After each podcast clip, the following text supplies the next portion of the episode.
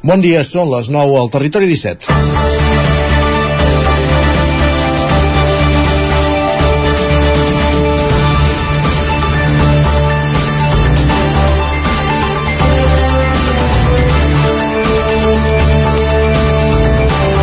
La gata perduda, l'òpera comunitària del Raval, composada pel músic tonenc Arnau Tordera, ha guanyat el Premi Max en la categoria de millor espectacle musical o líric, un reconeixement més per un músic amb una capacitat de treball i autoexigència admirables. Ha passat dos anys treballant en un projecte immens, el d'una composició operística, amb un resultat excel·lent, com demostra aquest premi. Tordera és un cul inquiet i on posa la banya, sigui amb el grup Obesos o projectes paral·lels com el Jugulam, i deixa cos i ànima.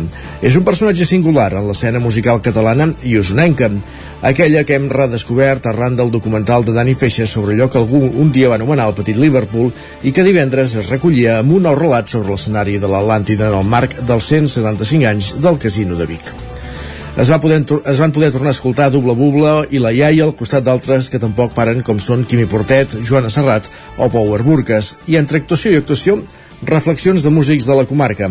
Em vaig quedar amb la de Dani Rifà, fundador de Nit als Minis i actualment Tremendo, que recordava com als anys 80 es penjaven una guitarra a l'espatlla sense saber què era la música. El que als anys 80 i 90 eren l'últim de la fila i sau avui ho són oques grasses. Els músics d'avui, a més de tenir l'empenta de les hores, tenen formació, i formació musical i gràcies a això, el mateix divendres tornàvem a quedar meravellats amb, la, amb el germà Serrat o la iaia i podem presumir de conveïns com el compositor d'òperes Arnau Tordera. Que la música continuï brullant a la comarca d'Osona. És dimecres 19 d'abril de 2023, en el moment de començar el Territori 17 a la sintonia d'Ona Codinenca, Ràdio Cardedeu, la veu de Sant Joan, Ràdio Vic, el 9 FM, i també ens podeu veure, ja ho sabeu, a través de Twitch, YouTube, el 9 TV i la xarxa més. Territori 17.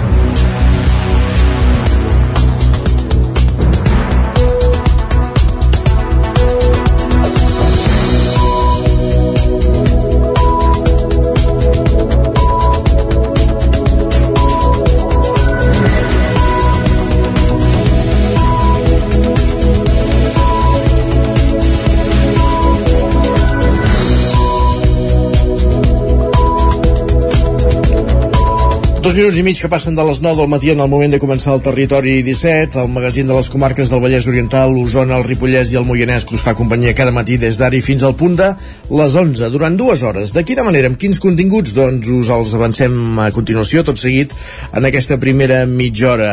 Eh, aprofundirem en l'actualitat de les nostres comarques, les comarques del Territori 17 en connexió amb les diferents emissores que dia a dia fan possible aquest programa tot seguit farem un cop d'ull a la previsió del temps amb en Pep Acosta des d'una codinenca i anirem al quiosc amb en Sergi Vives per saber quines són les portades dels diaris del dia, quines notícies destaquen. A partir de dos quarts de 10 pujarem al tren a l'R3 a la Trenc d'Alba amb l'Isaac Muntades des de la veu de Sant Joan recollint les cròniques dels oferts usuaris de la línia de tren Barcelona-Granollers-Vic, Ripoll-Puigcerdà, l'R3 i a l'entrevista conversarem amb Gustavo Pous, des d'Ona Codinenca. Pous és especialista en el control de la vespa asiàtica i és responsable de la campanya que s'està fent a Sant Feliu de Codines per exterminar-la.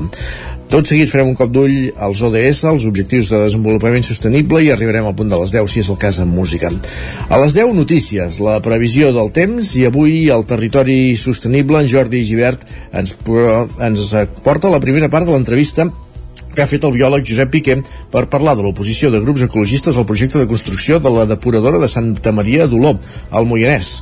Ara ja ens oposem també a fer depuradores, déu nhi uh, Més qüestions, a partir de dos quarts d'onze serà el moment d'entrar a les xarxes socials, a Twitter, ens hi capbussarem amb en Guillem Sánchez i acte seguit ens acompanyaran Jordi Solent, com fa cada 15 dies a l'Alegria Interior. Per acabar el programa amb el Lletra Ferits, l'espai que dediquem al món dels llibres, avui amb l'escriptor amb el Sant Joaní Salvador Vergés, de 76 anys, que ha presentat al Palau de la Vidia de Sant Joan la seva darrera novel·la, Els pergamins de l'Alguer. Conversarem amb ell en companyia de l'Isaac Muntades, com dèiem, des dels estudis de la veu de Sant Joan. Aquest és el menú d'aquest matí de dimecres, 19 d'abril de 2023 al territori 17 i ara, quan passen 4 minuts i mig de les 9 del matí, ens posem en dansa, com dèiem, amb les notícies més destacades de les nostres comarques, les notícies del territori 17, les notícies del Vallès Oriental, Osona, el Ripollès i el Moianès. El dispositiu per treure peixos del pantà de Sau es dona per finalitzat i es reduirà la quantitat d'aigua que surt de Sau cap a Susqueda. Sergi Vives. Així ho ha anunciat l'Agència Catalana de l'Aigua. Ahir, de fet, ja es van retirar les embarcacions. La pesca s'havia aturat des d'abans de Setmana Santa i ara, i, i ara eh, es para del tot. Es considera que amb els peixos retirats un total de 2,6 tones se n'han reduït la densitat i s'ha aconseguit preservar la qualitat de l'aigua a Sau. L'ACA continuarà disposant de dues barques que podrien actuar a l'embassament si es produeix una mortaldat de peixos. La sortida d'aigua de Sau cap a Susqueda s'ha anat reduint de manera progressiva en les darreres setmanes, passant d'un hectòmetre cúbic al dia a 0,2. A partir d'ara se seguirà alliberant aigua, però en quantitats menors. L'objectiu és evitar que es pugui deteriorar l'aigua, la qualitat de l'aigua que hi ha a Susqueda. Entre l'1 de març i el 17 d'abril eh, s'han transferit un total de 13 hectòmetres cúbics d'aigua entre Sau i Susqueda. El pantà usonenc es troba ara al 6,6% de la seva capacitat, una dada que hauria d'anar augmentant a poc a poc a partir d'ara. En el seu mínim històric, l'abril de 1990, Sau va arribar a estar al 5,77% de la capacitat. Més qüestions. Precisament l'Ajuntament de Vic aprovava inicialment el ple el pla d'emergències en situacions de sequera. S'ha aprovat amb els vots a favor de l'equip de govern de Junts per Catalunya, d'Esquerra i de la regidora no adscrita i els vots en contra de Cap Girem Vic. Com a població de més de 20.000 habitants, Vic té l'obligació de disposar del pla, al que l'Agència Catalana de l'Aigua ja havia donat el vistiplau. Albert Castells, el regidor de Medi Ambient i en, en concret els municipis de més de 20.000 habitants estem obligats a redactar un pla d'emergència de sequera fet que, bueno, cosa que s'ha fet aquest Ajuntament doncs, els últims anys amb, amb diàleg amb l'ACA i l'Agència Catalana de l'Aigua doncs, va aprovar finalment aquest pla eh, aquest any 22 tot i que ja l'estem aplicant perquè està validat per l'Agència Catalana de l'Aigua doncs faltava l'aprovació la, per part del ple municipal que és el que es proposa els plans d'emergència serveixen per adaptar a cada realitat local les premisses generals que estableix l'ACA. El document aprovat inicialment pel ple de Vic quantifica els recursos hídrics disponibles a la ciutat i la demanda. També marca les mesures que s'han d'aplicar a cadascun dels diferents nivells establerts de sequera, qui les ha d'executar i qui ha de vetllar per fer-les complir. Capgirem Vic va votar en contra del pla. Carla Dinarès argumentava que no havien rebut la resposta que el govern els havia de donar per escrit a les seves esmenes. Albert Castells els va agrair les aportacions i els va demanar disculpes. Hem fet una certa feina que es podia no estimar en absolut si es considerava de tal manera, però que sí que es va quedar que respondria i, i no s'ha fet i d'aquí eh, una mica la, la nostra indignació i, i suposo que, que, que compresa, no? Reiterar les disculpes i volia matisar que la feina sí que està feta, el que no els hi ha arribat i per tant hi assumim les responsabilitats de per què no els hi ha arribat, però vull dir, demano disculpes de per què no ha arribat aquesta, aquesta tramesa. De les quatre fases marcades, normalitat, alerta, excepcionalitat i emergència, actualment Osona està al nivell d'alerta per sequera. Entrar en, entrar en fase d'excepcionalitat implicaria reduir de 250 a 230 la quantitat màxima d'aigua per habitant i dia, la reducció fins al 15% dels usos industrials i el 30% dels ramaders. També es prohibiria el rec de jardins i zones verdes tant públiques com privades. Més qüestions. La Policia eh, Nacional ha alliberat 20 víctimes d'explotació laboral en condicions de semi-esclavitud en locals del Vallès Oriental i Osona. Eh, es tracta d'establiments de kebab, Sergi. Segons la policia, en l'operació van detenir quatre persones per un presumpte delicte contra el dret dels treballadors i contra el dret dels ciutadans estrangers. Alguns no tenien documentació i el propietari aprofitava la situació de vulnerabilitat per fer-los treballar cada dia sense possibilitat de descansar i sense contraprestació econòmica sota l'amenaça de ser expulsats del país. Alguns vivien al mateix local en condicions sanitàries nules, sense ventilació i envoltats de material perillós. A banda del de Torelló, els establiments eren a Mollet del Vallès, Parets Parets, Martorelles i Mataró.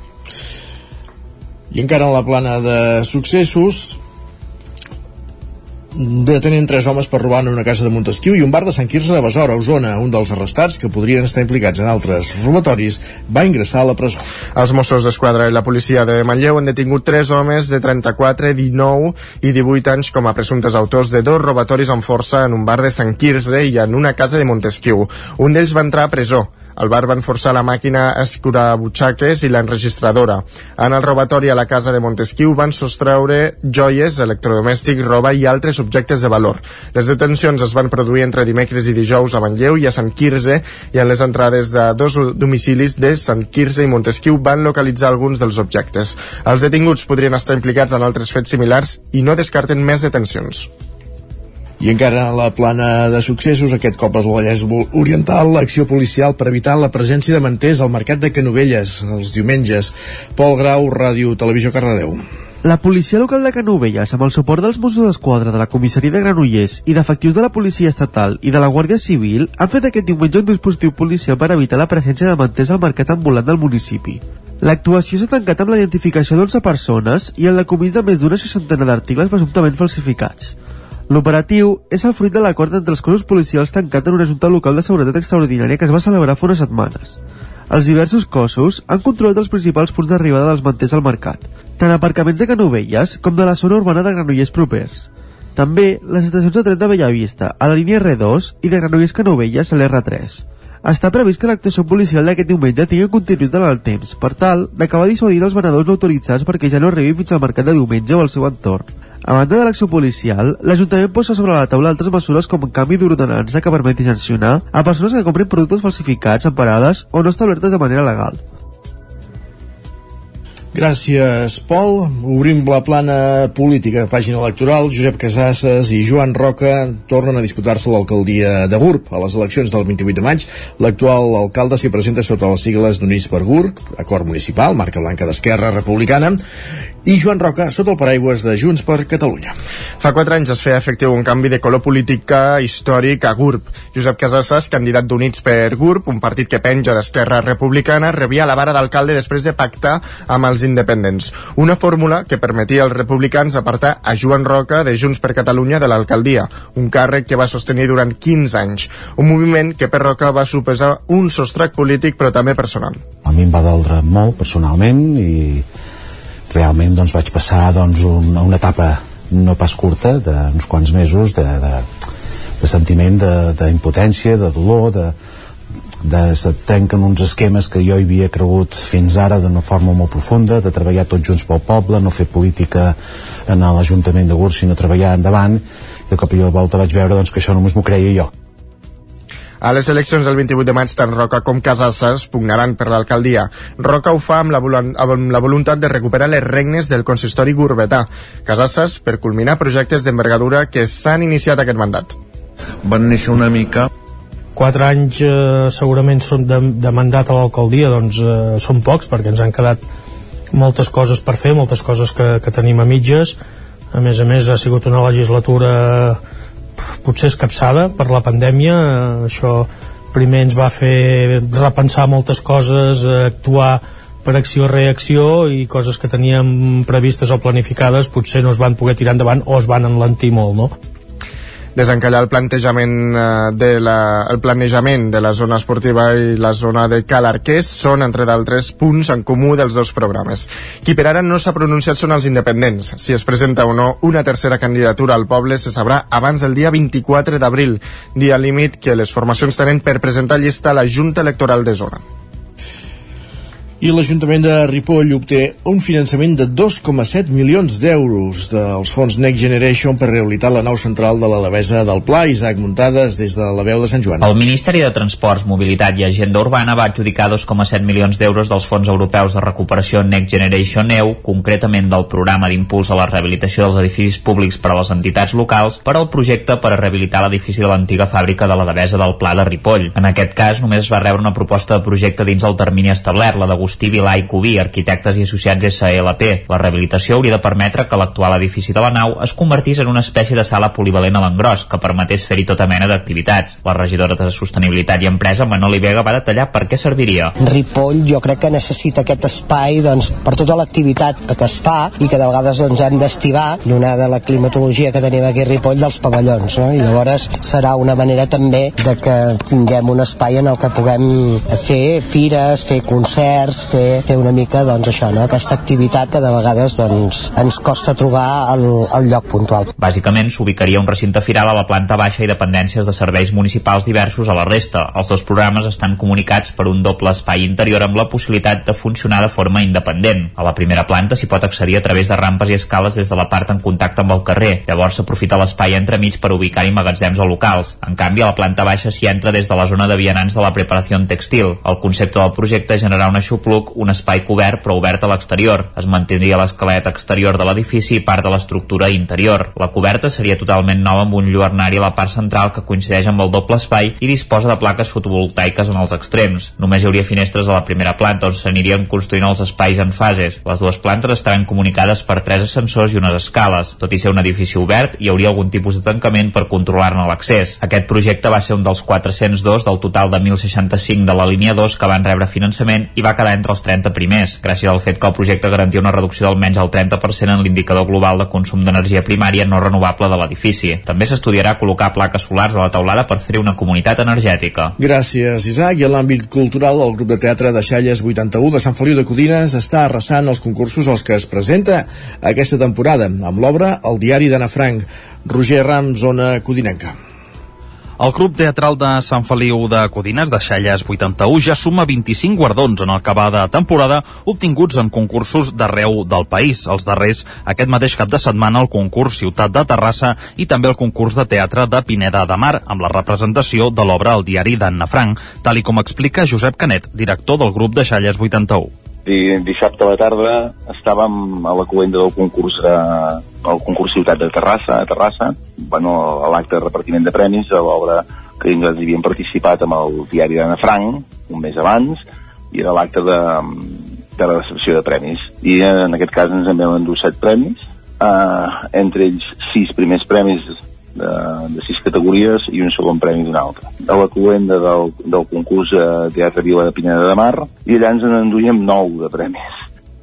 Segons explica Canet, una de les principals característiques d'aquesta obra és que han decidit que els actors i actrius que hi participen siguin de la mateixa edat que el personatge de l'obra que representen, fet que porta qualitat a la representació i també un ampli ventall d'edats damunt de l'escenari. Bueno, en principi seríem, podríem posar entre cometes que són els titulars, no? el, el grup gran, el que passa que el diari d'Anna Frank, eh, la part, una part molt important del diari són els, els nens i joves que participen, que són el, la Magali Verge que fa l'Anna Frank i l'Adrià Capdevila que fa el Peter, que ho fan amb l'edat que toca, o sigui, són nanos de 14 o 15 anys, uh -huh. que és l'edat que, que va passar la, històricament, i la Nina Claveria que fa la Margot, en aquest cas és una mica més jove que la Margot en el seu moment, però també és, és jove, clar.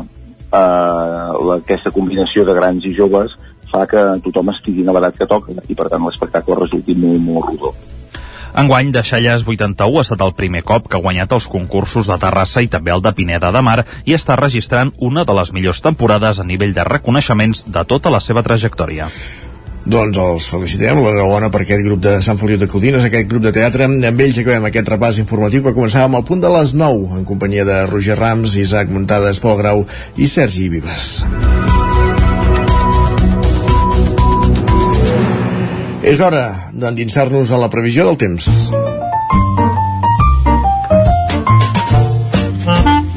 Casa Terradellos us ofereix el temps. I per això anem fins a Ona Codinenca, tornem a Ona Codinenca i ara hi saludem el nostre home del temps, en Pep Acosta, que ja ens espera. Pep, benvingut de nou, bon dia. Hola, molt bon dia. Com estàs? Benvinguts a Informació Meteorològica.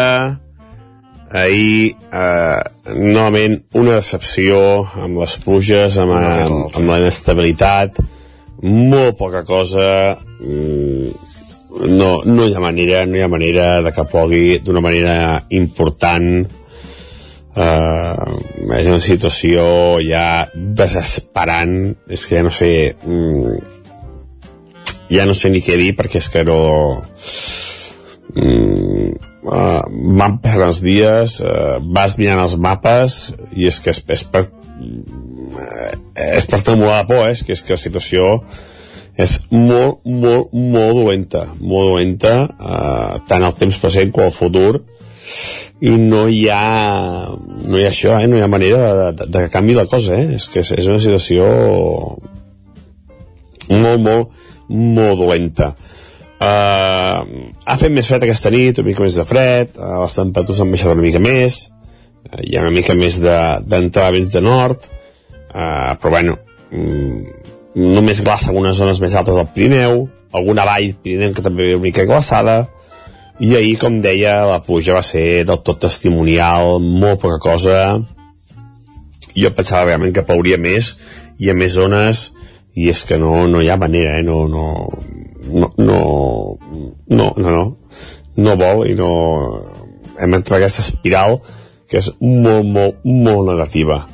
Avui tampoc plourà, tot el contrari, eh, molta més estabilitat que ahir, eh, pocs núvols, a la tarda es poden escapar 4 gotes al Pirineu Oriental, si que arriben a caure seran 4, 4 gotes, i les temperatures seran més altes que les d'ahir. Ahir va ser un dia força fresc, Avui, en canvi, les temperatures superen els 20 graus amb molta, molta facilitat i els jocs més càlids s'apropen als 23-24 graus. Eh, per les temperatures força altes i molt contrast entre el dia i la nit. Les temperatures de, de, de nit fresques que han sigut i les temperatures de dia molt i molt suaus.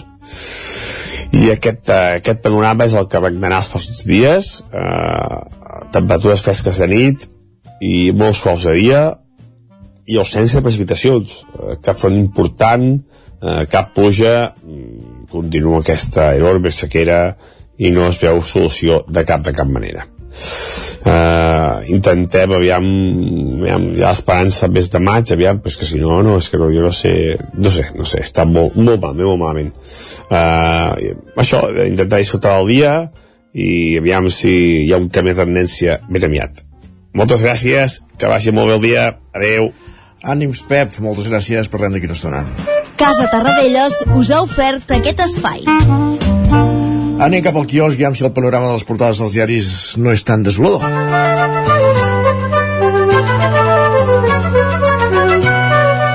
Sergi, què trobem avui als diaris, va, a les portades? Va, doncs comença pel punt avui, que encapça la portada amb el titular, és en francès, jo no sé francès. Jo tampoc, però vaja. Pas de català, no sé com es pronuncia, però i de què va el tema? Bueno, doncs expliquen que jutgen quatre alcaldes per haver permès al català als plens a la Catalunya Nord. Diuen que estan disposats a recórrer a Europa si continua la persecució judicial. Per altra... Caram, que també, el govern, que, que també res, igual. govern central, el govern espanyol i el govern francès en aquests aspectes sí, són, són igual sí. de pèssims. Sí, sí. Per altra banda, i seguint amb la mateixa línia de la llengua, destaquen l'aliança pel català en l'esport. Expliquen que Òmnium, la Unió de Federacions Esportives de Catalunya i els clubs del país s'alineen per potenciar l'ús del català en l'àmbit esportiu. El periòdico diu que l'àrea metropolitana de Barcelona té 2.733 pisos de la Sareb. Expliquen que la Generalitat aspira a comprar un miler de vivendes de grans propietaris com a ajuda social. Aviam. La Vanguardia diu que la Unió Europea injecta 43.000 milions per produir xips enfront d'Àsia. Expliquen que la llei europea de semiconductors aspira a un 20% de la fabricació mundial al 2030 per evitar crisis de subministraments com la posterior a la pandèmia. Per altra banda, diuen que s'espera vendre 6 milions de roses per Sant Jordi, una quantitat semblant a la de l'any passat. Expliquen que n'hi hauran de tots colors, però la vermella equipara el 80% de les vendes. Ara seré molt dolent, eh? però amb les roses no hi ha problemes amb la sequera? Ah, això, mira, no m'ho havia preguntat jo. En fi, va, més qüestions. Lara diu que el Tribunal Constitucional diu que no cal fixar un tant per cent en castellà. Expliquen que el Tribunal considera que la Constitució no es, no es desprèn una proporció dels idiomes en el sistema educatiu. Diuen que el conseller Cambrai celebra la resolució de l'alt tribunal però demana prudència. Sí, vol més ser prudents en aquest aspecte. Eh, sí, perquè, en fi. Per altra banda, diuen que el rei emèrit va donar suport ahir al Real Madrid a Londres. Expliquen que va ser el protagonista de la llotja de l'Stanford Bridge. Sí, va ser més protagonista ell que el resultat, vols dir? Um, bueno, en fi, si està a les portades... Deu ser això. Jo, de fet, només volia llançar una pregunta. Què va fer el Madrid ahir? Ho sabem o no? Va guanyar. Va, va guanyar. guanyar. Només volia llançar una pregunta i és quin és l'equip del règim? Eh? Ah, no, aquesta pregunta està clara des fa molts anys. aquesta uh, resposta, vull dir. Que... Sí, sí. Bueno. I ho va deixar bastant clar el president del Barça dilluns. anem a, anem a repassar la premsa espanyola que el país diu que Joan Carles I prepara diversos viatges a Sanchencho en els pròxims mesos. Expliquen que el rei emèrit pretén entrenar-se amb el Bribón en aigües de Pontevedra per competir en el Mundial de Velers. Jo no sé si està molt per competir aquest senyor, eh? Però... Suposo el deuen enfilar al barco, que seu aquí i apa, i anem passejant, no? Es, bueno, en fi, no vull ni preguntar això. Um, és el que deu ser, fas que gaire més no li pots demanar a aquest senyor que no, no, no, no, no, per això, per això. Per altra banda, diuen que Aràbia Saudí paga espanyols per falsejar la posició de la seva universitat. Expliquen que més d'una desena de científics simulen treballar en campus del Regne Àrab. L'ABC diu que el pla de Sánchez només té llest 9.000 habitatges. Expliquen que el president espanyol força els llaços per treure la llei abans del 28M, tot i que els 50, dels 50.000 anunciats, 14.000 ja estan habitats, la meitat ocupats, 15.000 sense construir i la resta depenen d'autonomies i ajuntaments. El Mundo ha entrat dins d'un camp de presoners russos a la regió de Leòpolis, un d'ells diu que som soldats d'utilitzar i tirar, no sabíem res d'Ucraïna. Expliquen que la majoria dels presos que esperen a ser intercanviats rebutja tornar al front i reconeixen tenir por a tornar sota el règim de Putin els soldats asseguren que a Rússia no agraden els presoners. Per altra banda, diuen que el PSOE va negociar el sí és sí amb el PP en dos dies, al veure la postura inacceptable de Podem.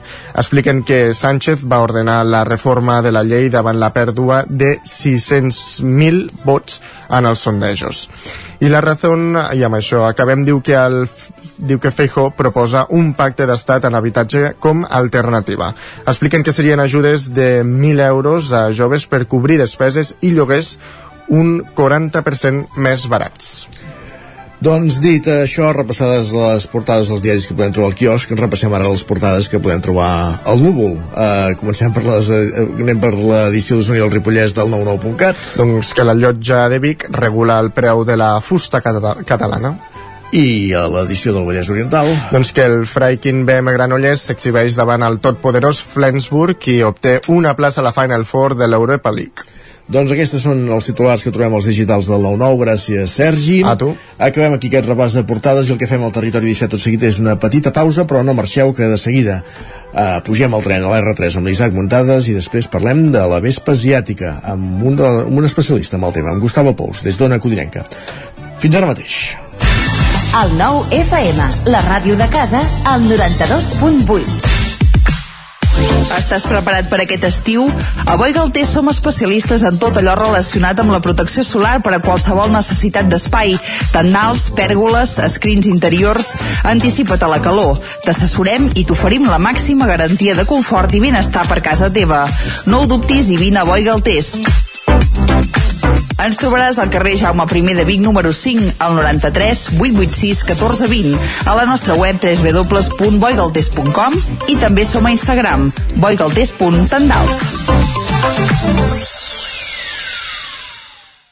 Aquesta primavera, Centelles és màgia. El 15 d'abril participa a l'onzena cursa pel poble saharaui. El 22 d'abril vine al concert dels Catarres com a prèvia de la gran festa de Sant Jordi. L'1 de maig, a plec del Turó de Puigsegordi i el 7 de maig, concert amb el cantautor californià Danny Moff. També pots participar a la Caminada Solidària Popular el 21 de maig i el 10 i 11 de juny, 14a Fira de la Ratafia de Centelles. I celebrarem el solstici d'estiu amb la Festa de Sant Joan. Centelles és màgia. Per moure't, lloga un cotxe ALR. Per moure la família, lloga un minibús ALR. Per moure coses, lloga una furgoneta ALR. Per moure la casa, lloga un camió ALR. Lloguer de cotxes, furgonetes i camions ALR.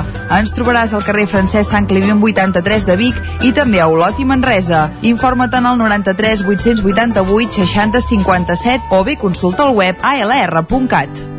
No t'ho creuràs, m'ha trucat el servei tècnic oficial de Saunier Duval perquè han detectat a distància que li falta aigua a la caldera. Era a casa i no me n'havia adonat. I què has fet? Res, perquè el meu servei de manteniment Mi Saunier Duval Connect m'ha donat una solució en qüestió de minuts. Informeu-vos a connectivitat.saunierduval.es. Saunier Duval, sempre al seu costat. El 23 d'abril és Sant Jordi, el dia del llibre. Com m'agrada aquesta festa. Aniré a la llibreria Mater de Vic uns dies abans per escollir els llibres que vull regalar. A la Mater tenen varietat i bona selecció de llibres. Demanaré que m'emboliquin una de les noves novel·les i un llibre de cuina. I potser un d'esport i de natura.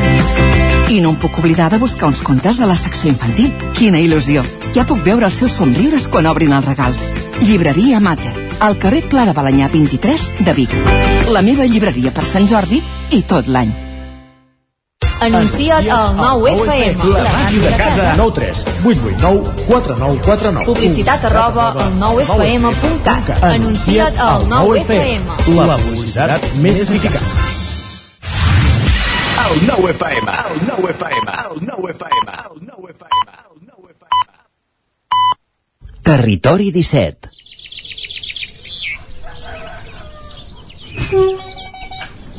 A Tren d'Alba. Cada dia els usuaris i usuàries de la línia R3 de Rodalies que veuen sortir el sol des d'un vagó ens expliquen les gràcies i les penes del primer comboi que uneix Ripoll i Barcelona o les feixugues jornades amb el tren després de treballar.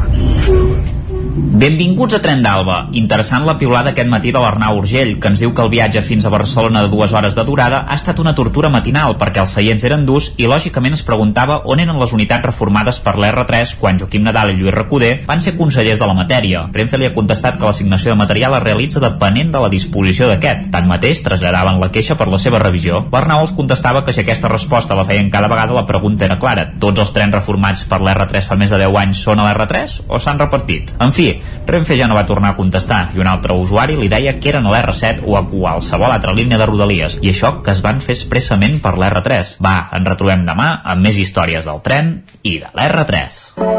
Territori 17, el 9 FM, la veu de Sant Joan, Ona Codinenca, Ràdio Cardedeu, Territori 17. Minut i mig que passen de dos quarts de deu, parlem de la vespa asiàtica al territori 17.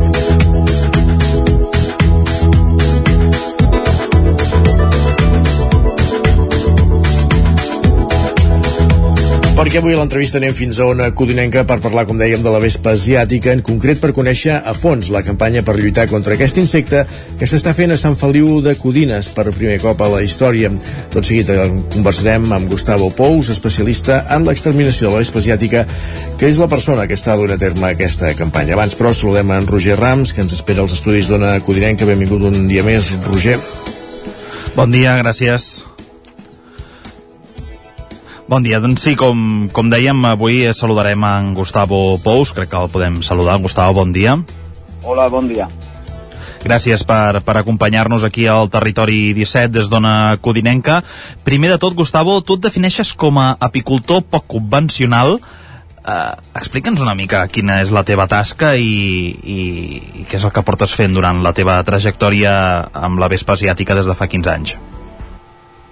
Val, uh, a nivell, a nivell del que em deies com apicultor poc convencional seria que sóc un apicultor que normalment no estaria catalogat eh? vull dir tinc, diguem el que serien colmenes però les tinc repartides entre col·laboradors i zones eh, a nivell natural no? o sigui, vull dir, eh, jo quan faig un rescat, una extracció eh, trec eh, el que serien les abelles d'un lloc que molesten, eh, el que faig és reubicar-les, però sempre amb una condició, que és no l'explotació a treure-los el que seria polen, mel, etc. No? O sigui, vull dir, en certa manera jo treballo per les abelles des de fa ben bé 15 anys, però sense, sense treure-li amb elles res, no? O sigui, al contrari del, del que seria un apicultor convencional, que és que les abelles treballen per ell, no? O sigui, uh -huh. en aquest sentit, eh, sóc una mica diferent, eh, perquè moltes vegades em diuen, home, tu treballes en abelles i tal, eh, que em podries eh, donar una bona mel i tal? No, no, és que la mel exclusivament és per les abelles, no? Sí, de fet, el, uh -huh. el, el motiu de que facin la mel no únicament és alimentació, sinó també és aïllament i protecció del que és la colmena. El que passa que ho hem, ho hem variat tot per, per, poder consumir els productes de, de l'abella, no? Tot, tota aquesta passió no, per, per la vella i per, per, per aquest món t'ha portat també, doncs, enguany, en el cas de Sant Feliu de Codines, a lluitar contra la vespa asiàtica, que és una clara amenaça no, enfront de, de, de la vella comú. Explica'ns eh, què s'està fent, Gustavo, enguany aquí a Sant Feliu, quina campanya s'està fent per lluitar contra la vespa asiàtica. Vale, a Sant Feliu eh, el que s'ha fet finalment és eh, tindre, eh, diguem, cura del que és la prevenció. Eh, fins ara, Sant Feliu des del 2018 va començar el que era a treballar eh, sobre nius actius, sobre nius localitzats, no?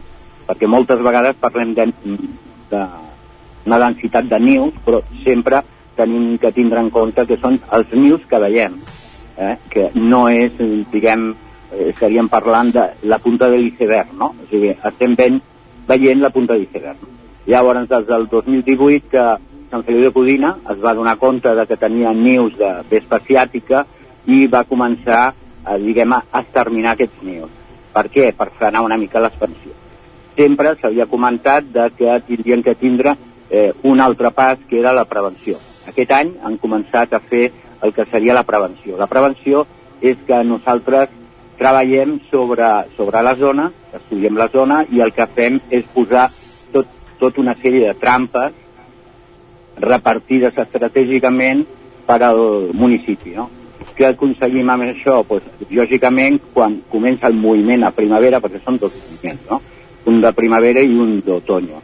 I llavors, eh, eh, el moviment de primavera, el que es fa al posar aquestes trampes és controlar el que és l'expansió dels nius primaris, els nius primaris que serien de primavera o els primaris que farien les, eh, diguem, les primeres forces de reines que farien de tot, no? superreines. Per què? Perquè fan el niu, fan la cria, fins que tenen cries que són independents i en aquest sentit aquestes ja comencen a treballar i la, la reina comença a centrar-se en la seva feina que seria la més important, que és posar el que són les larves i créixer. No? Uh -huh. Llavors, el que està fent Sant Feliu de Codina aquest any és això, controlar el que és l'expansió a través d'aquestes trampes per localitzar i, i anul·lar eh, tot creixement de, de nius primaris. No?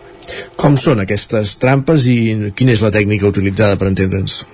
Vale. Eh, no, bueno, jo treballo, eh, jo vaig ser format a, a Galícia, a, l'empresa Serpa, en Serpa, Serpa Catalunya és aquí, eh, llavors eh, el que fem és reciclar el que són ampolles, d'aquesta manera eh, el que fem és eh, uns forats a les ampolles a on entren les avispes. Però a la vegada també fem uns forats per, eh, diguem, la fugida de qualsevol despistada avispa autòctona o abella, no?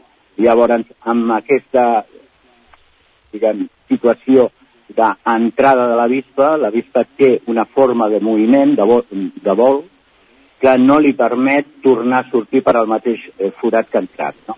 Mentre que les abelles o les avispes autòctones sí que són capaces de trobar els forats i poder sortir. No? I bàsicament el que posem a part d'aquests forats, és, diguem, estratègicament el lloc, però també el que seria el contingut. El contingut és un líquid natural que fem, eh, diguem, eh, amb la composició de eh, suc d'aràndanos, eh, també eh, cacera i el que seria cervesa negra. És com si diguéssim que les eh, eh, asiàtiques li agrada molt el calimocho, no? A partir d'aquí, eh, el que tenim és eh, que qualsevol avispa que passa per aquest eh, sistema de, de, de olfatiu, no? agafen l'olor, entren per curiositat i ja no poden sortir. Llavors moren eh, per agotament i per eh, ofegament. No? Mm -hmm. Eh, de moment, Gustavo, com deies, eh, esteu centrats en capturar les vespes, en especial les, les asiàtiques reines. Com, com valores la campanya, aquestes primeres setmanes de, de campanya? Quants exemplars heu capturat a Sant Feliu i si són més o menys que altres campanyes? Val. Et comento. Aquesta campanya ha començat al març, val? Al març vam tancar amb, amb una, diguem, amb un control de les trampes que va donar un fruit de 15 reines capturades, eh, lògicament era l'arrencament, però clar, aquesta primera eh, quinzena d'abril ja tenim eh, el que seria un resultat que ja ens agrada molt més perquè estem parlant de 81 avispa asiàtica reina.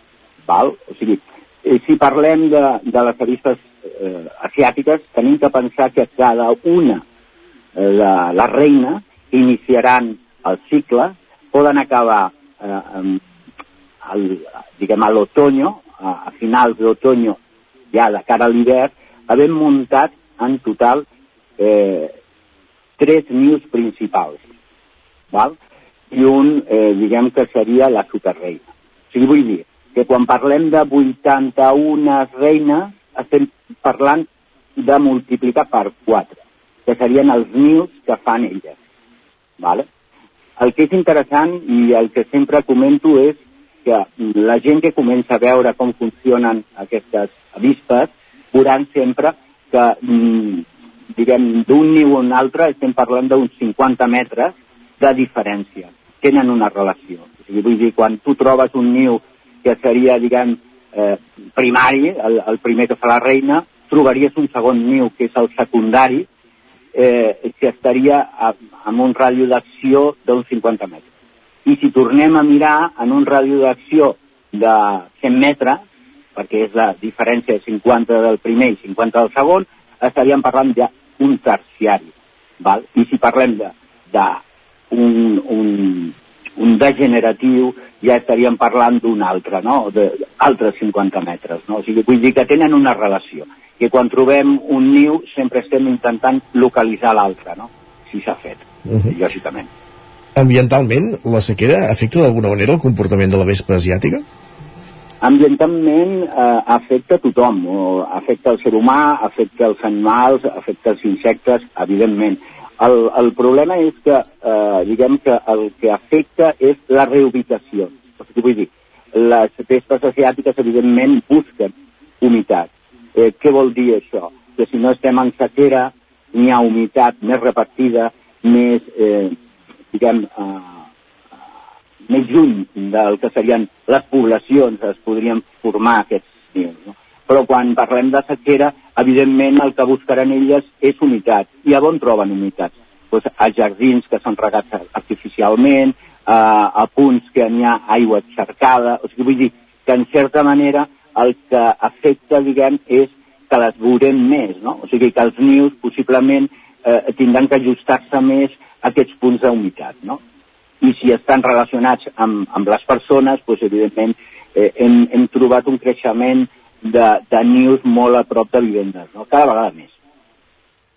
Mm -hmm perquè per, per anar concloent eh, comentaves que ara la, la vespa amb la sequera doncs, més a, a l'ésser humà i a la vida humana, quotidiana quin mal pot fer a les persones aquest animal i també a les mascotes, perquè clar, si s'ubica a jardins a vegades també, també hi conviuen Clar, eh, el mal que poden fer... A veure, quan, quan estem parlant d'inicial, de nius inicials, mm, bàsicament no es nota. Per què? Perquè fins, fins que el niu no agafa una capacitat de, de població important i llavors creix el que és el, el volum de vespes i, el, i diguem, la, la intenció de, de territorialitat, o sigui, el que seria protegir el seu niu, llavors és quan es faria perillós. No? Jo crec que el més perillós és no saber sobre la vespa asiàtica, perquè eh, jo et donaré ara, diguem, un, de cara a la gent, no? quan, quan la gent camina per un camí rural, eh, per, per, per, per el que sigui, no? que està buscant bolets o s'està movent, eh, eh, jo sempre dic el mateix, tu estàs caminant, no tens problemes, fins que de repent t'apareix una vespa asiàtica al front teu i que desafia, no? Fa un moviment zig-zag davant de, de, de tu. No? En aquest cas, la gent normalment com funciona? Eh, té por i el que fa és córrer. Cap a on corres? Cap a on fugeges? Cap endavant sempre, o cap als costats. Mai tires cap enrere.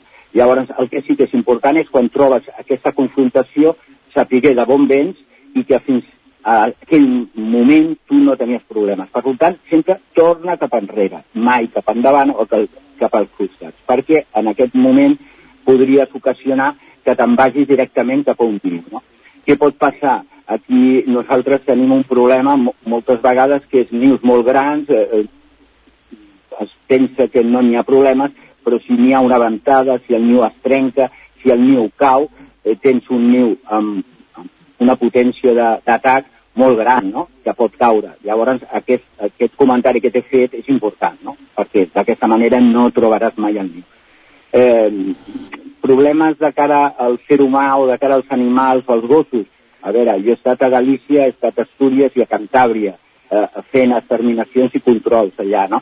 I el que m'he trobat moltes vegades és que quan n'hi ha una sobrepoblació de nius, sí que veiem eh, actuacions d'elles agrupant-se i atacant animals, animals de granja, vaques, cavalls, eh, gossos, que eh, tenen la mala sort de topar amb nius, no? I per curiositat, doncs, han passat, no? Per això és tan important el tema de la campanya de trampeig de, de, contra la vespa asiàtica, no? per donar seguretat a la població, no? per fin de controlar això. I, i es té que conscienciar la gent de que aquestes trampes són molt importants i que no es tenen, tenen que tocar ni de treure, perquè estan allà per un motiu, per seguretat de tots. No? I aunque et sembli una tonteria, una cosa molt bàsica, que diguis, és que és una botella amb un líquid. Sí, sí, però és que l'efectivitat que té és indubtable i a més és brutal. Eh?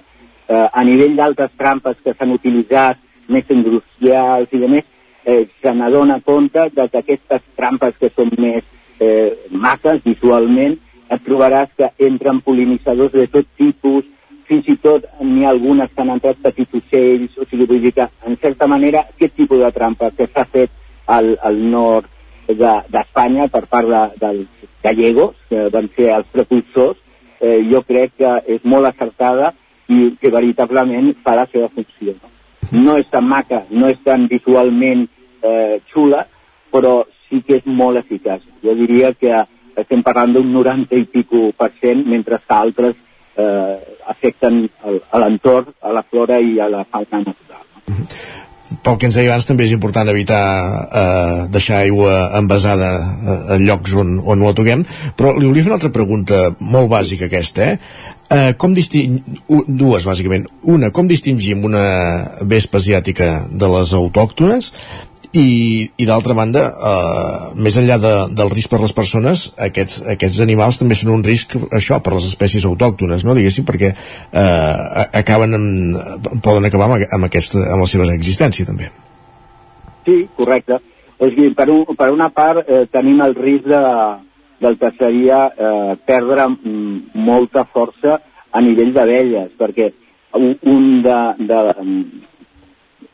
diguem, de, de, de la problemàtica més grossa que s'està passant és amb el tema de l'apicultura. Què passa amb això? bueno, doncs, evidentment, a, a nivell natural, les abelles funcionen d'una manera molt més gran que a nivell de, a, diguem, la invenció de l'apicultura moderna, que seria les caixes controlades de població. Nosaltres controlem aquest tipus de població i llavors el que estem controlant és tota la, la jerarquia que n'hi ha en una caixa. Per posar-te un exemple, amb una caixa d'apicultor podríem parlar en moment màxim d'exponent de població d'uns 60.000 individus. Amb una colmena natural estaríem parlant de 600.000. Val? I llavors, aquesta limitació de creixement fa que les abelles siguin molt més, eh, diguem, dèbils a l'hora de protegir-se. I llavors, eh, a més, genèticament s'ha treballat això perquè siguin més manses, perquè eh, el, el ser humà pugui treballar amb més tranquil·litat i més pau, no? Llavors això ha generat que l'apis mellífera ibèrica, que era una abella molt petita, negra i molt agressiva, que era molt bona per, per al mitjà natural i es defensava molt bé, hagi passat a ser gran, grossa i rossa, o sigui, i a més eh, passiva Llavors, què passa? Que quan arriben aquestes les matxaquen, no? O sigui, vull dir que, en certa manera, no estan preparades ni genèticament ni a, ni, ni a nivell de massificació de població, no? O sigui, vull dir, per una part això. A nivell de, de, de les persones, jo el que diria és estar ben informat és tindre tranquil·litat. Sobretot pensem una cosa, aquests bitxos, a, a nivell de, del que seria la vespa asiàtica o la vespa autòctona, estaríem parlant sempre de vibració. Eh, és dolent tindre molta por, és dolent moure molt els braços, o sigui, vull dir, el comportament té que ser més de, de calma i sortir corrents, evidentment, no? O sigui, allò que diuen tu tens calma i no passa res, no, no, no, tu calma però surt corrent. I cap enrere. I, eh? I cap enrere. Correcte. Sí, sí. Vull dir, perquè alguna vegada he escoltat coses, eh, aberracions, no?, que es diuen, que diuen, no, si ve, eh, de repent eh, et venen abelles i tal, tu tranquil, tu tranquil, respira i, i no passarà res. No, no, això no és així. Si aquestes abelles estan enfadades o crismades, et picaran, i a la que una et pica ja estàs marcat i vindran moltes a picar-te. Per tant, important, mantindre la, la serenitat i sortir eh, a direcció, com abans he explicat, corrents, no? o sigui, no perdre el temps. Eh, quina diferència hi ha entre la vespa autòctona nostra i la vespa asiàtica? Evidentment, el tamany, per una part, eh, també la quantitat de verí que, que tenen, cadascuna, eh, la vespa asiàtica, lògicament, molt més, i després el fibló, no? És molt més llarg, també, no? Què, què vol dir això? Que arriba a, a, a, a més distància. O sigui, et pot traspassar la roba, mentre que l'altre no. Eh, són aquests, aquests comportaments el que crida una mica l'atenció. Per una part, pensa que la vespa asiàtica, com la podem distingir de l'altra? És molt fàcil. La, la nostra, diguem, és groga i, i, i negra, molt definida, pot ser diferents eh, famílies, diferents tamanys, diferents aspectes, però sempre es manté el color groc i negre, important, uh -huh. val? mentre que la vespa asiàtica estaríem eh, parlant del negre amb taronja. Negre amb taronja i groc de patetes, de pates. Val? És sí, molt... Sí. Ràpidament la veus. Quan la veus eh, es queda per sempre la imatge d'ella i, a més, el so. No? El so és molt invasiu, és molt... Uh, eh, eh, acollona, no?, en aquest sentit. Uh -huh. Llavors, important, no, mm, no, mm, o sigui, tu tens aquí eh, el avispón europeu, que seria l'avispa mamut. L'avispa mamut és negra i groga, té eh, unes manxes grogues, és molt més gran que l'avispa asiàtica, per això de vegades acollona quan, quan, quan la trobes, però pensa que l'avispa mamut és negra i amb manxes al lomo de color groc, per tant no és taronja, no és de pates eh, eh, grogues, val? o sigui, vull dir que en certa manera eh, es, es veu la diferència. I sobretot que la, la vispa nostra no és tan agressiva i a més eh, treballa sola, sigui, so, eh, no és de comunitat, no és un niu amb, amb un màxim de eh, 6.000 exemplares, els uh -huh. nius que he vist de la vispa asiàtica, no? Estem parlant de la vispa mamut, seria bajo tierra, sí que és veritat que n'hi ha molts foradets i moltes avispes mamuts, se poden aixecar, tal, però eh, estem parlant d'una avispa autòctona que no t'atacarà ni et farà res, no? O sigui, vull dir que, en certa manera, la diferència és en recordar-te negre i taronja i patetes grogues, estem parlant de l'avispa asiàtica. I després l'avispa mamut, que és la nostra, la que està protegida, estem parlant d'una bèstia, perquè és molt més gran que la vista asiàtica, dona por, eh, eh, té un, un so molt fort, però tu pots passar entre totes elles i no et faran mai res, no? I vull dir, són independents, uh -huh. treballen únicament, és una reina que cuida la seva prole i ja està, no? I, vull dir, i a més, n'hi ha un moment de sortida de totes aquestes reines d'infernada que és el que fa de vegades que la gent confongui aquestes dues, no? que diuen, ah, és que n'hi ha moltes, n'hi ha moltes, però no. Jo recomanaria que la gent busqui avispa mamut i veurà ràpidament avispa asiàtica, avispa mamut i veurà la diferència. Una doncs queda... matar-les, perquè de vegades eh, queden a la piscina, la pots, la pots treure i, i te Queda clar. Doncs moltíssimes gràcies, Gustavo Pous, per fer-nos aquesta lliçó avui sobre la vespa asiàtica. Ens ha, ens ha anat molt bé i tindre, ho tindrem en compte a partir, a partir d'ara. Gràcies per acompanyar-nos un matí més. Encantat i gràcies a vosaltres. Bon dia. Gràcies també a Roger per acompanyar-nos un matí més aquí al Territori 17. Vinga, gràcies. Fins, Fins ara. ara parlem. Avancem. Nosaltres tot seguit ens dediquem als objectius de desenvolupament sostenible, els ODS.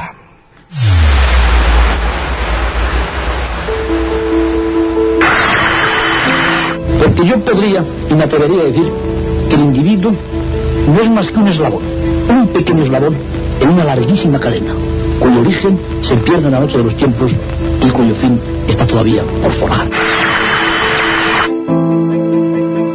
L'aleteig d'una papallona es pot sentir a l'altra punta del món.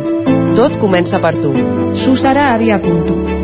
Ona ODS. Onda ODS. Una finestra oberta Una ventana abierta. a un futur sostenible. Etorkizun jasangarri baten ardatz. Una fiestra aberta A un futur sostenible.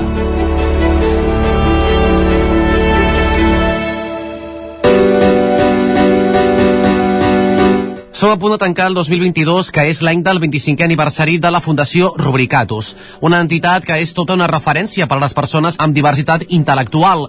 A banda de treballar per la inclusió sociolaboral d'aquest col·lectiu, des de fa uns anys també treballen amb un altre ODS, amb un altre objectiu de desenvolupament, de desenvolupament sostenible, el de l'economia circular i reciclatge.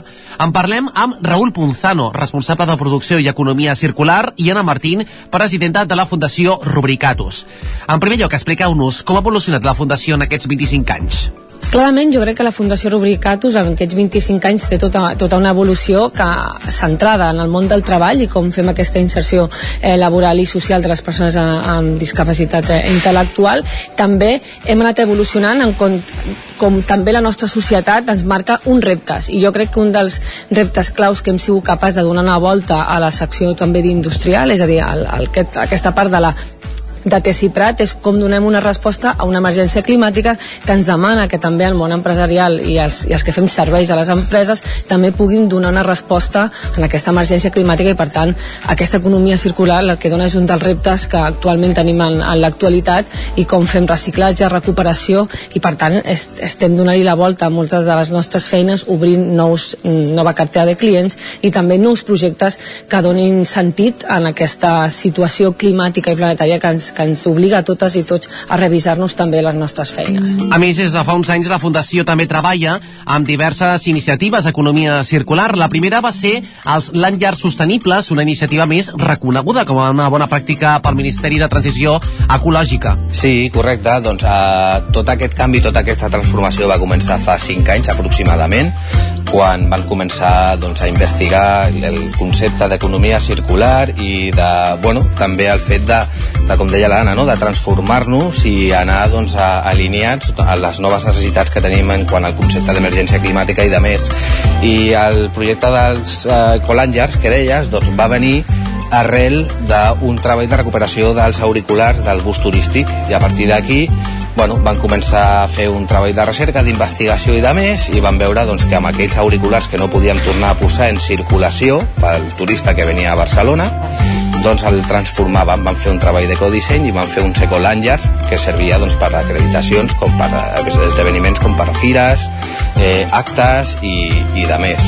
I van tenir doncs, aquest reconeixement per part del, del govern d'Espanya del Ministeri de Transició Ecològica i Territori.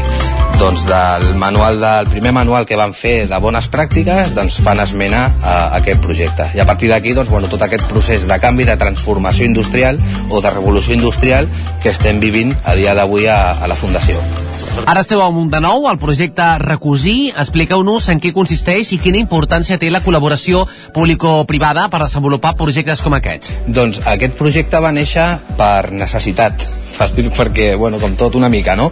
Per necessitat perquè, com dèiem abans, eh, l'origen va ser la recuperació dels auriculars del bus turístic, però va venir una pandèmia i aquesta pandèmia doncs, va fer que turistes a Barcelona no arribessin i llavors aquesta necessitat no existia. Vale? Llavors, eh, dins d'aquest concepte d'economia circular i dins d'aquesta transformació interna o revolució industrial vam veure on podíem anar per continuar oferint treball no? amb les persones amb les quals treballem. I vam veure que els indicadors ens deien o ens diuen que el malbaratament alimentari i el tèxtil són els principals residus.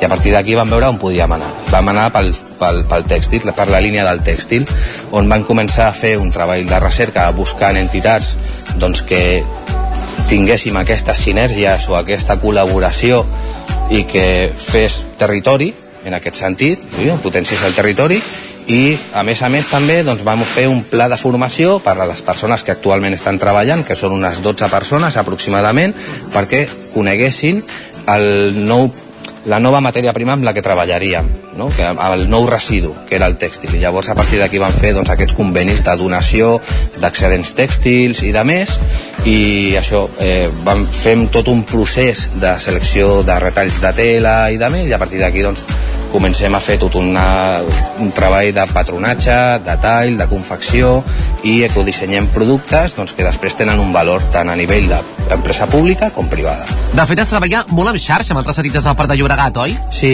vam extrapolar, diguéssim, el nostre projecte de recosir a entitats socials on fan, eh, tenen el mateix, diguéssim, significat, però a diferents productes, per dir-ho d'alguna manera, no? Llavors, nosaltres ens anem més a la línia industrial, doncs el que volem és que aquest projecte que nosaltres estem fent aquí vagi a la part domèstica.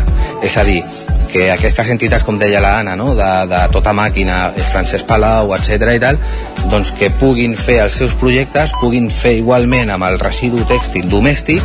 I és que cada persona a Europa llença uns 11 quilos de roba a l'any i per això des de la Unió Europea s'impulsa l'estratègia sobre productes tèxtils circulars i sostenibles que va en aquesta mateixa línia. Hem de començar a ser també un exemple i al final jo crec que les empreses municipals o, o, o la Fundació Rubricatus, que és un referent municipal, ha de donar un, un, un peu endavant en molts, en molts aspectes i ser, ser capaços de, de generar pues, aquesta xarxa i de ser pioners amb, amb aquest camí que al final acabarem tenint que fer tots a l'àmbit domèstic i també amb l'àmbit industrial. El reciclatge és un compromís de la Fundació, però el principal és la inclusió de les persones amb diversitat funcional. Com reverteixen precisament projectes com aquest en aquest col·lectiu? Home, uh, per a aquestes persones eh, reverteix en quant al creixement que tenen, en quant a formació i experiència laboral amb l'objectiu, diguéssim, final i, diguéssim, el desitjable per tothom, que seria el poder posar-les dins d'un mercat ordinari de feina.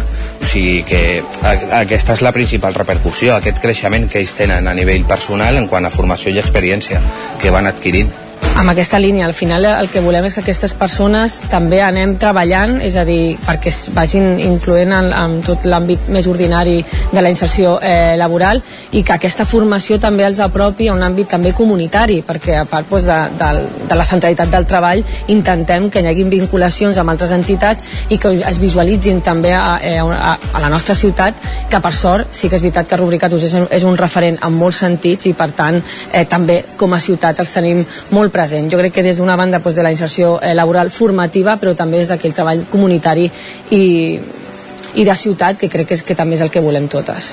Per últim, què creieu que falta encara per tal d'assolir la plena inclusió de les persones amb diversitat intel·lectual? Jo crec que en aquest canvi encara ens queden marcar lleis i marcar obligatorietats a les administracions i a les empreses per obligar que aquesta, que aquesta inserció de les persones amb l'àmbit eh, ordinari sigui molt major. Continuem necessitats, falten recursos, hem estat 10 anys on tots els serveis de, de persones amb diversitat intel·lectual han estat aturades, on tenim una congelació de les tarifes i tenim unes retallades que encara estan revertint dins del col·lectiu i per tant queda molt a fer. Hem d'obrir també tot el tema de l'envelliment, és a dir, tenim una societat cada vegada més, eh, més envellida i necessitem com es treballa amb, amb, amb recursos especialitzats eh, residencials eh, també doncs, d'inserció laboral formativa. Nosaltres al Prat tenim eh, mm, eh, FPs especialitzades en eh, formació professional especialitzada per persones amb diversitat intel·lectual. És a dir, tenim moltes coses però encara queda molt camí per fer. Jo crec que les administracions hem de forçar encara molt més a l'àmbit ordinari empresarial i, de, i per suposat molts més recursos perquè aquestes persones puguin tenir una vida digna i lliure a les nostres ciutats i pobles. Bueno, al marge del que diu la, la Anna, o, o, o per afegir una mica no? de, del que diu, de, després de tot aquest aspecte, diguéssim, de, regular, de, de regularització, etc i tal, eh, la normalització normalització de, de, de, de les persones en quant a oportunitats que puguin tenir tant a nivell personal com a nivell laboral, o sigui, en qualsevol aspecte de les seves vides. Doncs hem parlat amb Raül Punzano, responsable de producció i economia circular, i Anna Martín, presidenta de la Fundació Rubricatus, sobre aquests dos objectius de desenvolupament sostenible, com són l'economia circular i també la inclusió de les persones amb diversitat funcional. I ara mateix al Territori 17 passen gairebé 4 minuts del punt de les 10 del matí. Territori 17 és hora d'actualitzar-nos, de posar-nos al dia amb les notícies més destacades de les nostres comarques. Anem fins al Ripollès perquè el Ministeri d'Hisenda autoritza la permuta de 12 pisos a la Nacional 260 Planoles que serviran per fer habitatge social a canvi d'una parcel·la al polígon de Niubó de Can de Bànol. Isaac Muntades, la veu de Sant Joan. El Ministeri d'Hisenda i Funció Pública ha donat llum verda perquè es faci la permuta dels 12 pisos situats a la Nacional 260 a Planés, al terme municipal de Planoles, per uns terrenys que hi ha al polígon de Niubó de Camp de Bànol. D'aquesta manera, l'Ajuntament planolenc ha desencallat el principal escull per aconseguir dotar de més habitatge social al municipi. Aquests pisos construïts per l'antic Ministeri d'Obres Públiques i Urbanisme, que ara pertanyen al Ministeri de Transports, Mobilitat i Agenda Urbana, ja s'havien sol·licitat per fer habitatges l'any 1989, ja que fa més de 30 anys que estan buits. El nou edifici per guardar la maquinària llevaneus i de manteniment de la carretera es construirà al polígon Can de Benolenc. El següent pas que haurà de fer l'Ajuntament de Planoles és obtenir els 250.000 euros que costa el terreny de 1.000 metres quadrats que es destinarà per a aquest ús. L'alcalde de la població, David Verge, voldria que el cos l'assumís l'Agència d'Habitatge de la Generalitat de Catalunya i ja ha demanat una reunió amb ells. Verge detallava el lloc exacte on es construirà aquest nou edifici. A de Pirinat queda una parcel·la, sembla que són 2.000 metres quadrats i és la meitat. Ja fa un any, amb la demarcació de carreteres, ja estaven d'acord en venir aquí. De fet, amb ells també els hi va millor perquè tots els treballadors que venen a, a Planoles a treballar de la demarcació de carreteres doncs viuen a Camp de Bànol, a Ripoll. Per la maquinària, ells sobretot el que necessiten és un pati, un pati exterior que és per on, on, on netegen eh, tota la maquinària, tots el, els camions i la maquinària llevaneu. Llavors em sembla que normalment el que fan és construeixen una nau de 500 metres i després hi ha 500 metres de pati. Verge recordava que per aquest 2023 els pressupostos de la Generalitat contemplaven 188 milions d'euros destinats a habitatge a la demarcació de Girona. Un cop s'hagi aconseguit el finançament, signat l'acord de la permuta, comprats els terrenys i construït la nau, l'Ajuntament ja tindrà els pisos a la seva disponibilitat i haurà de fer una inversió mínima, ja que el Ministeri ja hi feia manteniment perquè un s'utilitzava com una oficina i n'hi havia una altra per si algú s'hi havia de quedar a dormir. L'estructura està bé i només s'hauria de canviar el mobiliari, que és molt antic. L'alcalde preveu que el projecte sigui una realitat en uns dos anys. Gràcies, Isaac. Més qüestions. La Facultat d'Empresa i Comunicació de la Universitat de Vic acull la tercera edició de les jornades de màrqueting i comunicació empresarial en el marc de la càtedra Lluís Bassat Sergi Vives. Promoure, difondre i transmetre els coneixements avantguarda del màrqueting i la comunicació empresarial era un dels objectius d'aquesta edició que han seguit de forma presencial i també virtual unes 400 persones. En una de les sessions de dilluns es va parlar de les últimes tendències de comunicació de marca online i offline. Entre els ponents, Octavi Tarrés i José Luis Beltrán, responsables de projectes digitals del Futbol Club Barcelona. Santiago Jordán és el coordinador del grau de Màrqueting i Comunicació Empresarial que s'estan parlant de tot el món digital, que s'estan parlant de com es combina l'experiència tradicional amb l'experiència virtual, perquè el Barça no és que sigui un club eh, de Barcelona, per dir-lo d'aquesta manera, és un club universal. Però llavors n'hi haurà gent que no podrà vindre mai a Barcelona a l'estadi d'una manera tradicional, no? Doncs, bueno, com es fa la convivència entre, entre aquests dos mons, el, el més tradicional i el digital. La segona jornada ahir es va centrar en com incorporar el consumidor al centre de les estratègies. Els organitzadors recordaven per què es van crear les jornades. Santiago Jordan. Van néixer una mica eh, com conseqüència de que nosaltres volem donar als nostres alumnes i als, als nostres professors i al sector, i al sector empresarial una formació de, de vanguardia no? És dir, d'una banda, vull dir, pues, treballem tot el que és eh, la part acadèmica, la part formativa, la, la part que reuneix aquestes característiques, perquè per algú som una universitat, però també la volem complementar amb la nostra proximitat al món laboral. Les terceres jornades de màrqueting i comunicació han comptat amb la col·laboració del 9-9, la Delegació d'Osona de la Cambra de Comerç i l'ESERP, un centre de negocis digitals i dret adscrit a la Universitat de Vic. Un llibre recull els 145 anys d'història dels bombers de Granollers. Pol Grau, Ràdio Televisió Cardedeu.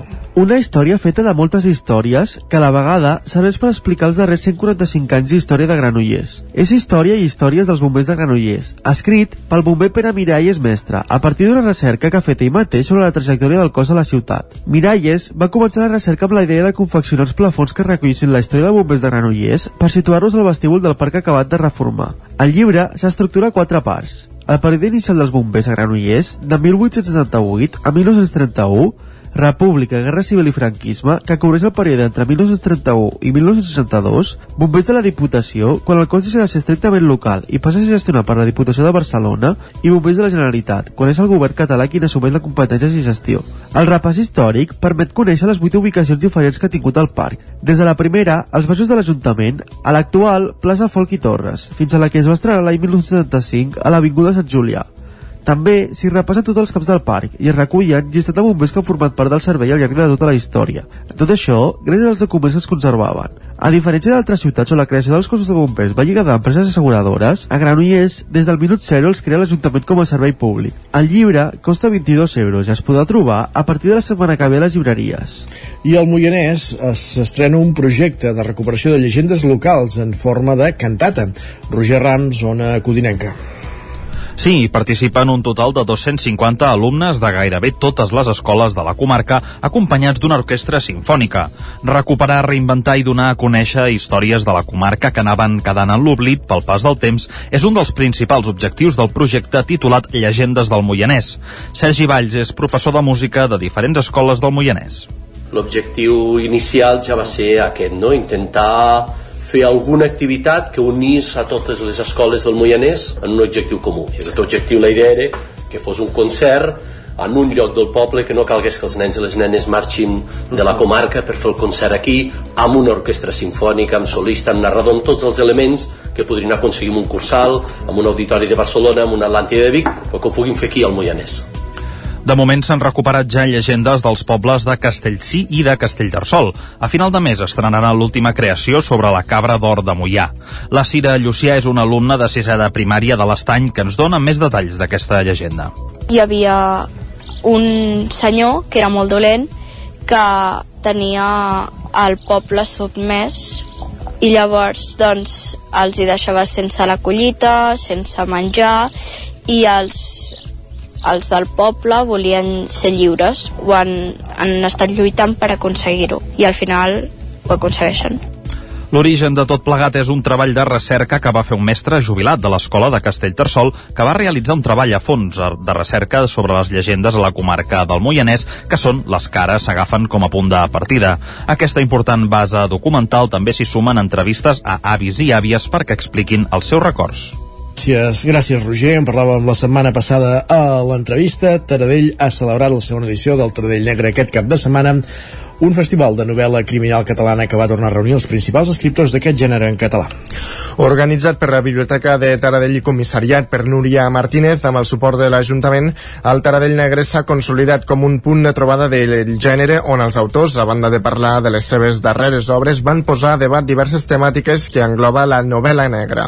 El públic va tornar a respondre a la iniciativa assistint a les diferents xerrades i conversant amb els autors, que van poder signar exemplars dels seus darrers llibres. De les vuit taules programades, la que va treure més públic va ser la del True Crime amb Jordi Grau, Tura Soler i Iago García. Martínez explica per què la novel·la negra atrau a tant públic. Mira, que et fa dir, que et fa viure històries que d'altra manera no podries viure. Viure una necessitat en primera persona, per sort, no passa cada dia. Aleshores la gent viu coses trepidants, emocionants i s'abaix de la realitat que a vegades és prou grisa. El festival va començar divendres amb la segona edició de l'Eslam Literari que va omplir la biblioteca i que va tenir com a protagonistes quatre alumnes de segon d'ESO de l'Institut de Taradell amb victòria per a Carla Pla. Antònia Incógnito, professora de català d'aquest institut, assegura que un dels llibres més triats, que uns dels llibres més triats a les classes són els de novel·la negra. No hi ha tanta descripció com altre tipus de novel·la i entra, de fet, bastant en, en, en l'acció, no? Que a ells els costa una mica més de, la introducció i ells hi entra i els agrada.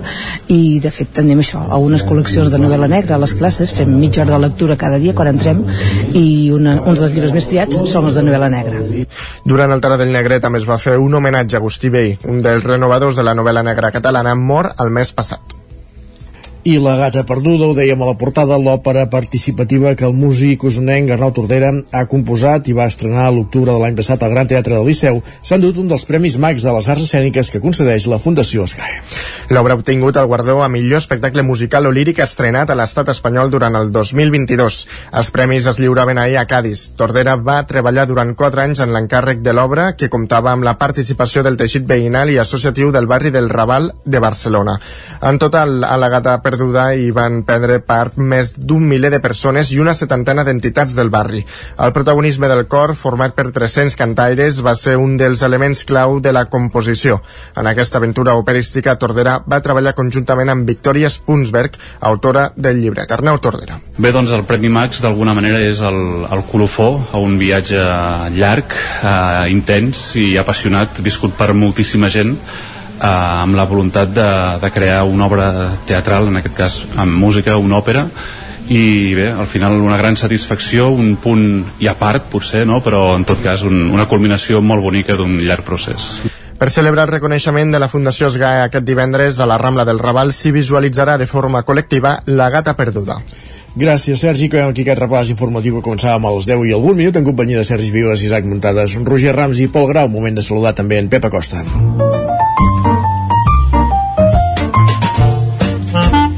Casa Terradellos us ofereix el temps. Que és el nou, és el nostre home del temps, la busca però no veu pluja per enlloc. Pep, benvingut de nou, bon dia. Hola, molt bon dia.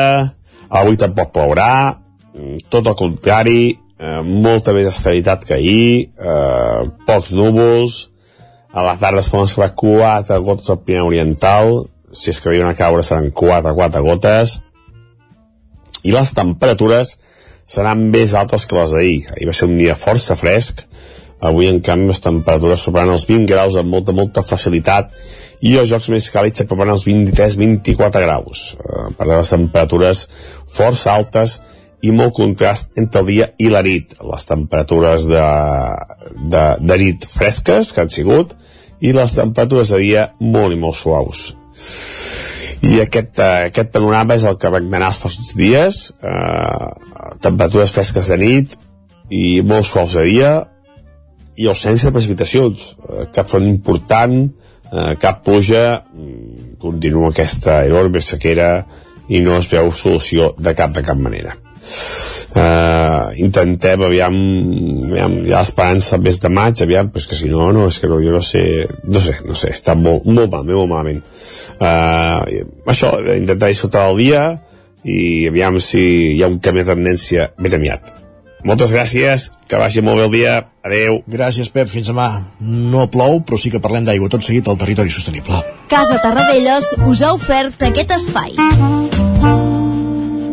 un minut que passa d'un quart d'onze del matí. I no ens movem d'una codinenca perquè avui el territori sostenible en Jordi Givert ens porta la primera part de l'entrevista al biòleg Josep Piqué per parlar de l'oposició de grups ecologistes del Moianès al projecte de construcció de la depuradora de Santa Maria d'Oló. Jordi Givert, benvingut una setmana més. El FANAL, el grup ecologista del Moianès i la Lliga de la Defensa del Patrimoni Natural reclamen a l'Agència Catalana de l'Aigua la paralització i revocació del projecte de construcció de l'estació depuradora d'aigües residuals de Santa Maria d'Oló. Per parlar sobre aquest tema tenim amb nosaltres en Josep Piqué. Ell és biòleg, eh, representant dels 168 ciutadans que s'han oposat a la depuradora i que han firmat eh, per eh, canviar d'ubicació a aquest equipament projectat a Santa Maria d'Oló i també és la persona que ara representa el grup eh, d'entitats que suposen a aquest projecte. Hola Josep, bon dia. Hola, bon dia. Josep, eh, ens agradaria saber quins són eh, aquests, eh, aquests de, el detall, aquests motius, el vostre parer, els inconvenients que, que re, re, suposen la depuradora projectada aquí a, a Santa Maria d'Oló. Um, bé, no, nosaltres el que uh, volem destacar uh, és que um, en el lloc on s'ubica uh, ja es va protegir des de l'any 2010 i que en canvi des del municipi es va demanar que es fes un projecte per ubicar-lo en aquest mateix indret eh, un any després que ja havia estat declarat com a espai pein del Moianès i Riera de Muntanyola. I des del 2011 fins avui, 13 anys després, diguéssim que el, el municipi, juntament amb, la, amb Aigües de Manresa i amb la Mancomunitat de Municipis pel Sanejament del Bages i també l'ACA, doncs han orientat a ubicar la depuradora en una zona que diguéssim que és il·legal perquè forma part d'un espai protegit des de fa 13 anys. I diguéssim que tampoc és poc correcte fer-ho des del nostre punt de vista perquè hi han altres alternatives que són viables eh, econòmicament i tècnicament i que per tant ens permetrien gaudir de lo que representa un espai protegit amb unes espècies de fauna i de flora protegit i un sistema de vegetació de ribera que per altra banda el municipi ha potenciat i ha publicat diferents tríptics que faciliten el reconeixement d'aquests valors i per altra banda doncs el que és necessari que és una, una depuradora eh, que faci que les aigües que s'aboquen al medi siguin eh, el més netes possible i permetin eh, doncs, la, la vida natural i els valors naturals que hi ha a la zona. De fet, tota la vall té nombrosos valors de tot tipus, valors naturals eh, com les eh, fauna, que doncs la llúdriga, eh, en fi, la papallona, el cranc de riu, l'àguila marcenca, però també hi han valors geològics, eh, el brai de Santa Maria d'Oló, amb diferents graus de plegament que es poden observar des del cingle del Macari fins al, cap a la Serra Borina, a la part baixa, però també hi han valors arqueològics, hi han valors eh, eh, com les, la vegetació que està lligada a sols salins i que són típics només dels llocs on hi ha eh, surgències d'aigües salines i en aquest cas concret nosaltres en aquest tram de la vall de la Ria d'Oló en tenim dos, aquests dos, dos afloraments salins o d'aigües salines són únics al Moianès i per tant formen part del conjunt que, que cal preservar i que cal preservar eh, diguéssim, globalment en tota la zona, no, no un puntet aquí i un puntet allà, sinó que ja és difícil ajuntar-ho formant una, una certa unitat, en aquest cas el pein del Moianès, doncs eh, el que convé és no disgregar-ho i no eh, posar-ho en punts separats entre ells. Ah, per tant, el, el que vosaltres eh, qüestioneu és el, la ubicació exacta d'aquesta de, depuradora que, que es troba uh, dins d'aquesta zona protegida, d'aquest pein uh, que, que es forma part d'aquesta en aquest tram de, de la Riera on, on un dels punts que està dins d'aquest pein és on s'ha projectat la, la depuradora.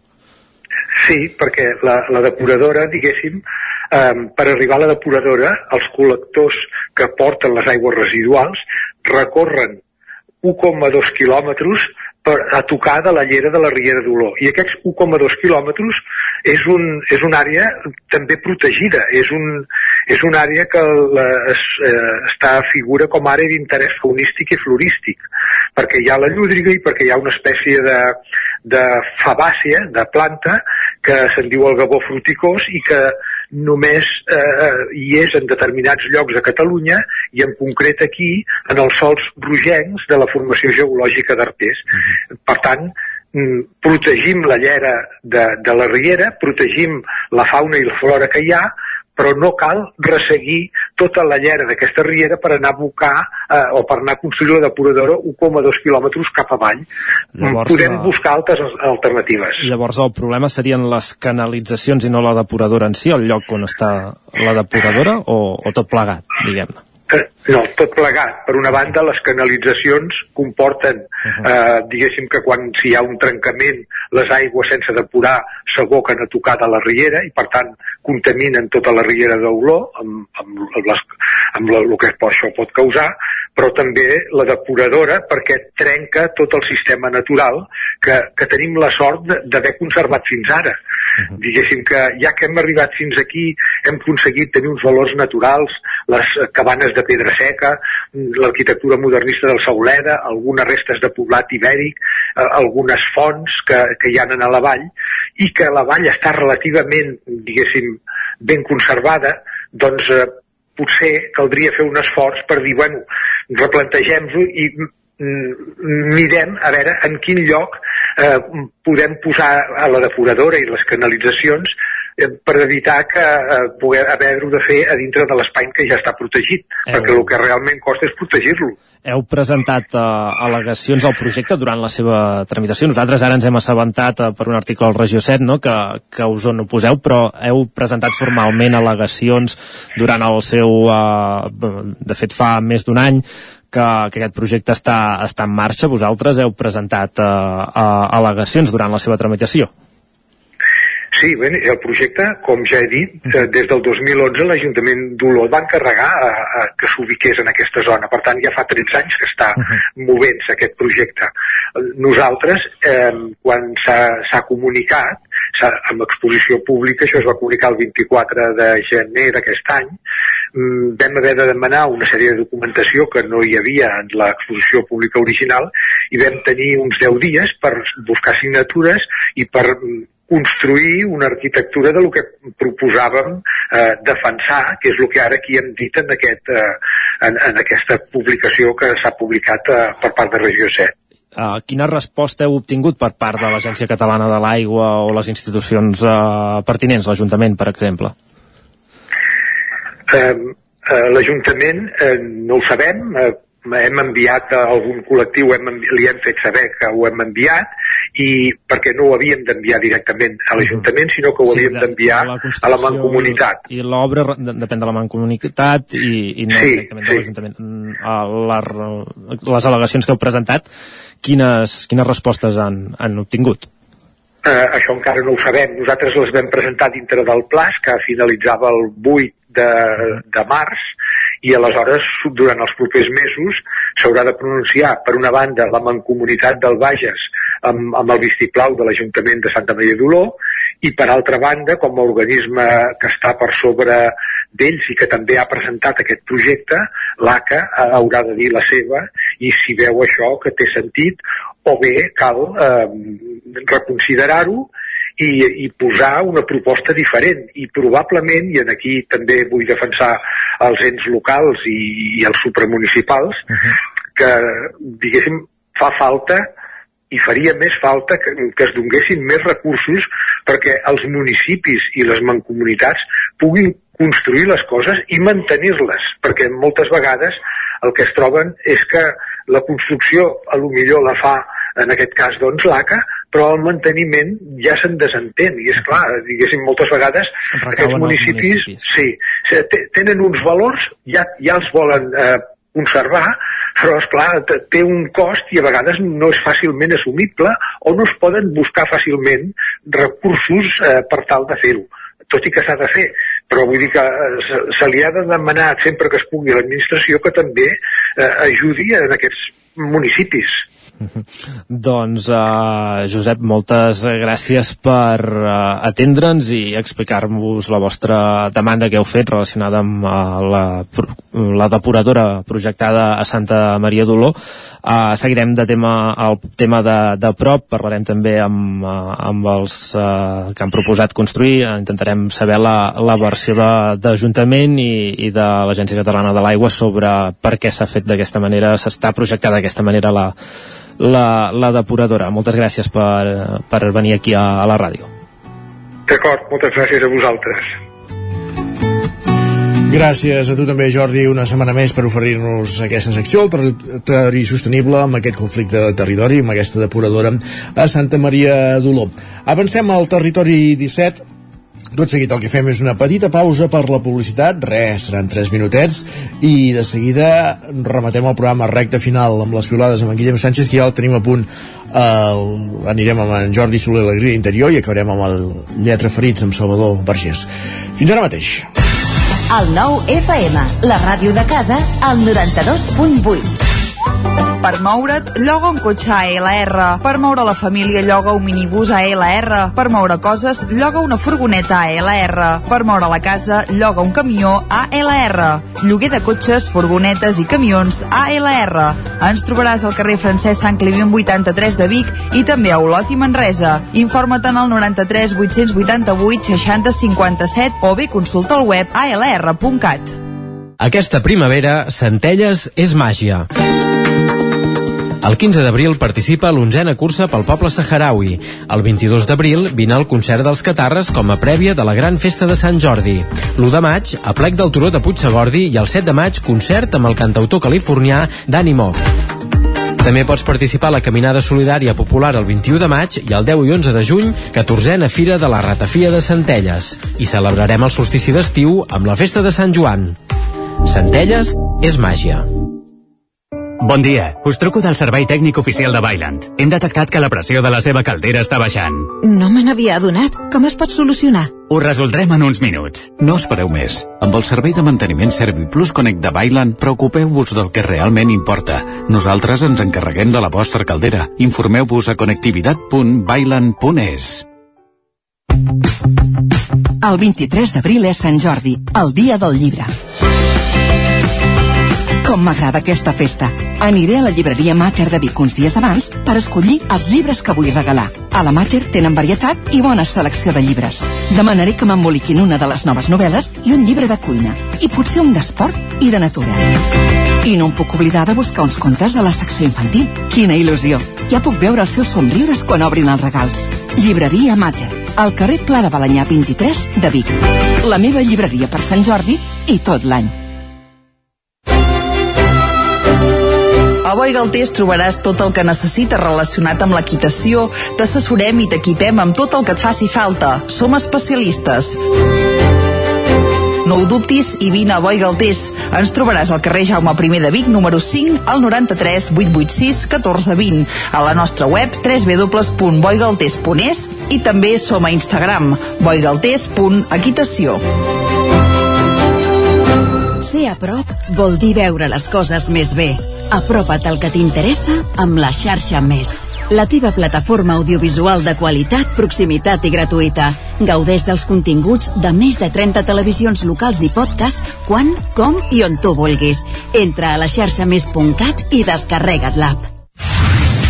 El nou FM, el nou FM, el nou FM, el nou FM. En punt, dos quarts d'onze, al territori 17.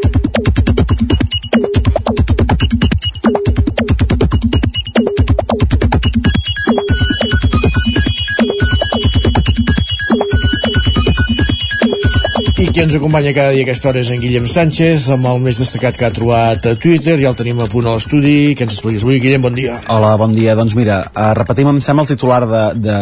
Hi ha nervis per Sant Jordi el diumenge. Nervis, nervis. Hi ha molts nervis. Per la hi ha molts pluja? nervis. Hi ha nervis per la pluja, per la gent que no té parella, per la gent que li sobren els llibres, per la gent que... Bé, aquí passen moltes coses. El que veig és que hi ha poca feina.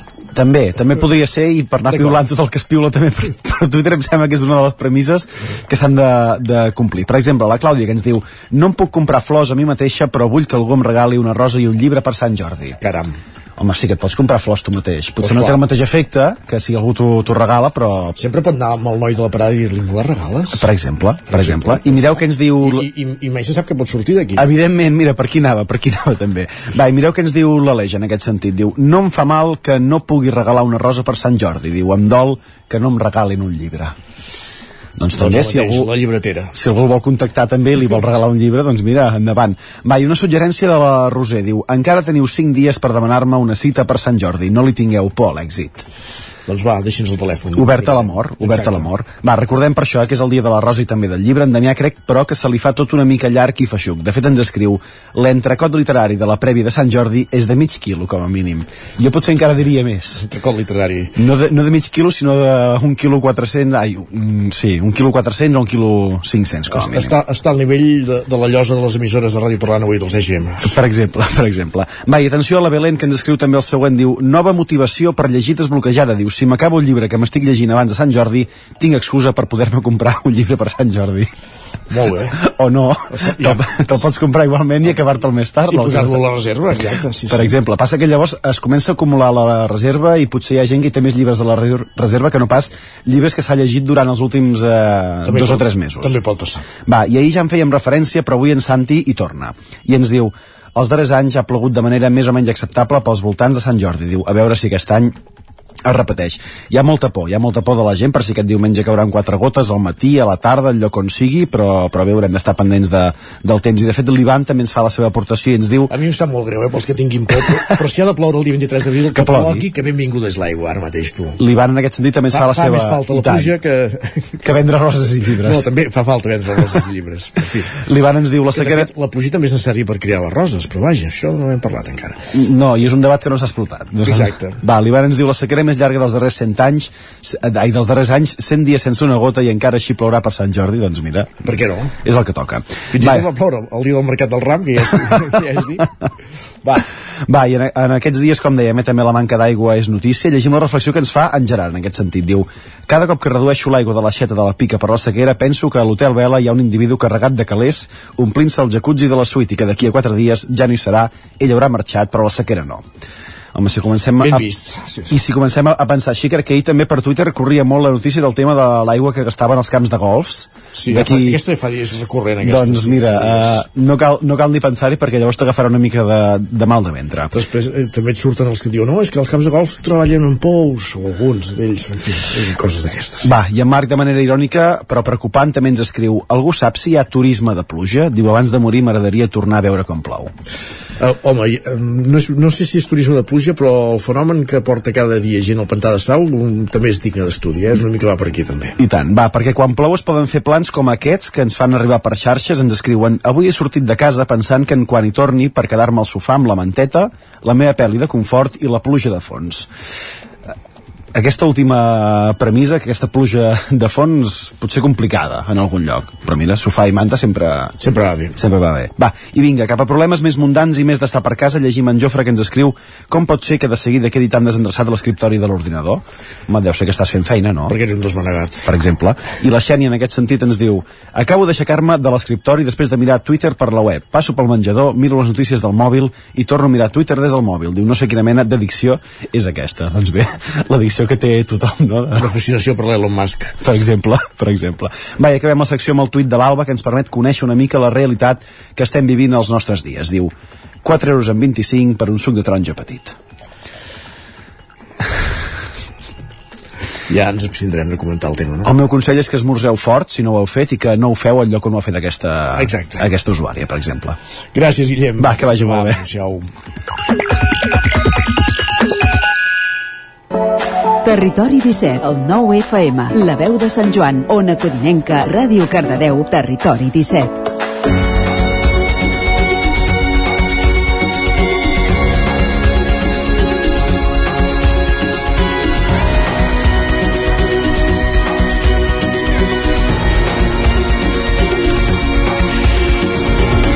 I ara, quan passen 5 minuts i mig de dos quarts d'onze del matí, el que fem al Territori 17 és endinsar-nos a l'alegria interior, l'espai que cada 15 dies ens porta en Jordi Soler per ajudar-nos a, a conèixer-nos interiorment, valgui la redundància. Benvingut, Jordi, bona setmana, bon dia.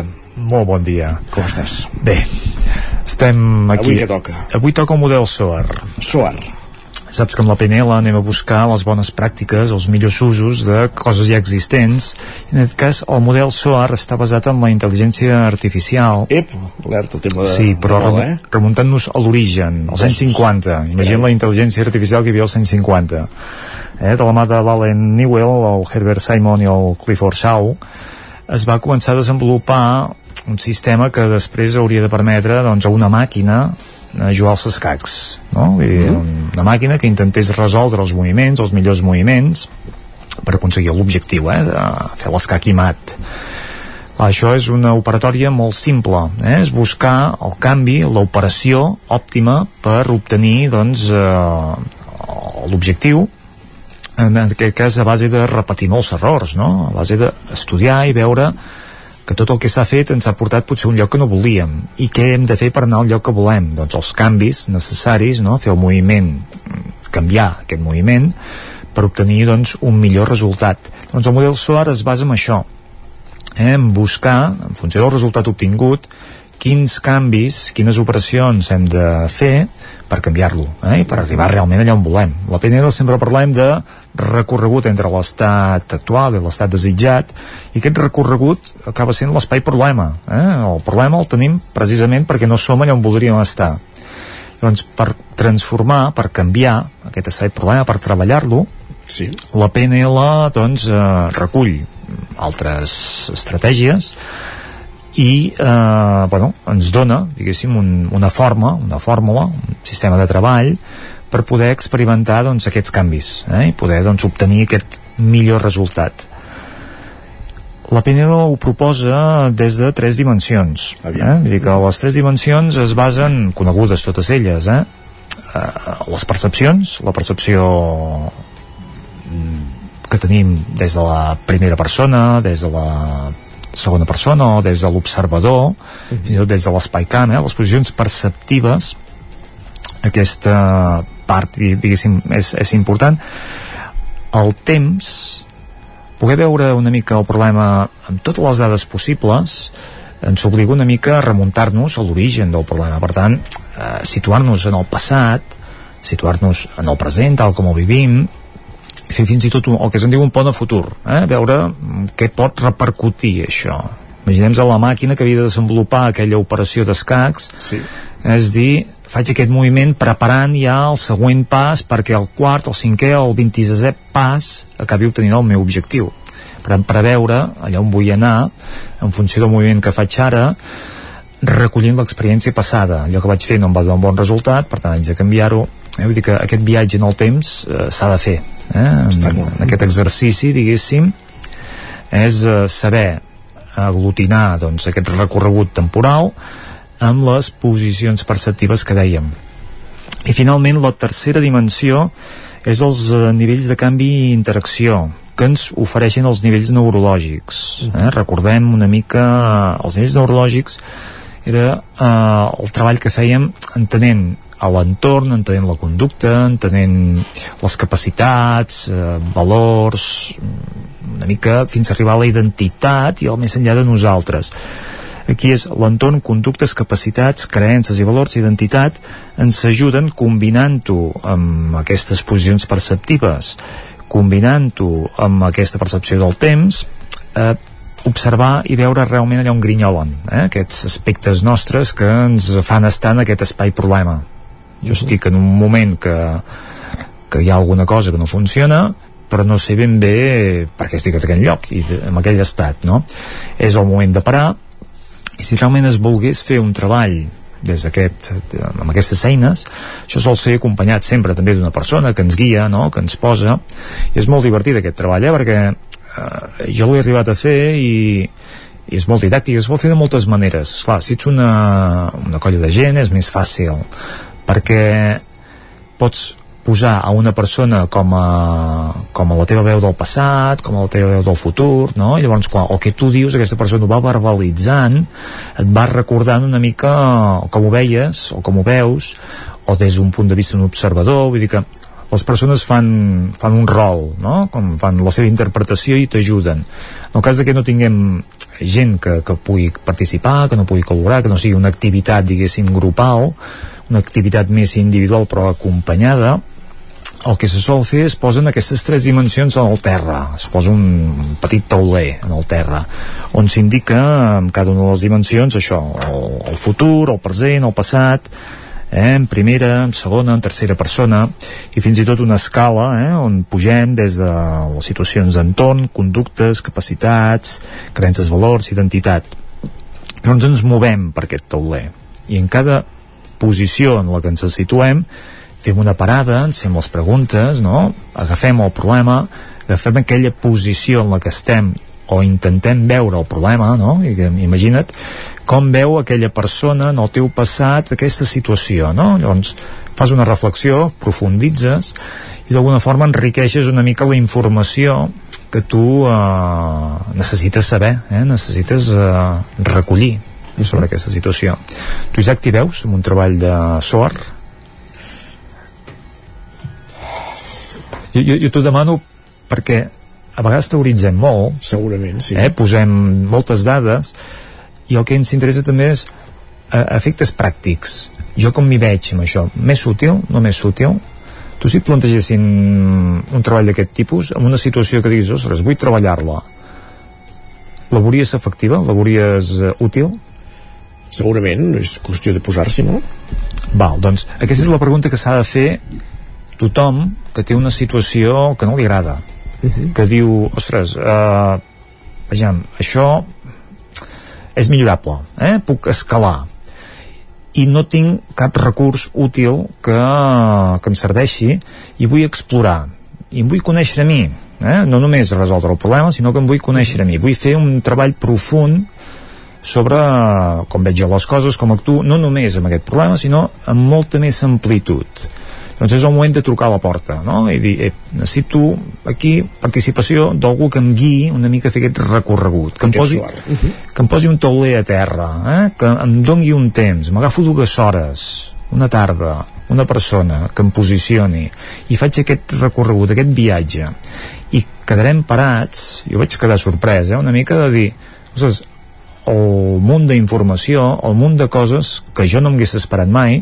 i que poden arribar a sortir quan combines quan combines un, una posició temporal sí. amb perceptual tan sols això eh? I dir, com veia jo aquesta situació o com em veig a mi en aquesta situació o com em veuen els altres en aquesta situació o com em devien veure els altres en aquesta situació, esclar, aquí és fruit d'imaginar, d'intentar situar-se una mica a la pell dels altres en aquells moments i el més important, no? com em veig jo com em veuran els altres serà ecològic, perquè esclar, això igual jo aconsegueixo el meu objectiu, però de cara a l'entorn estic creant unes afectacions o estic perjudicant, no? Vull dir que això és important, aquest pont a futur, des del punt de vista de la tercera persona o de l'observador, no? Vull dir, això potser sí que hi guanyaré jo i perdrà doncs la meva família. Ep, al tanto, doncs, rectifiquem. -huh. Canviem de posició, no? Busquem una nova posició, analitzem-ho des d'aquesta part de creences, d'identitat, vull dir,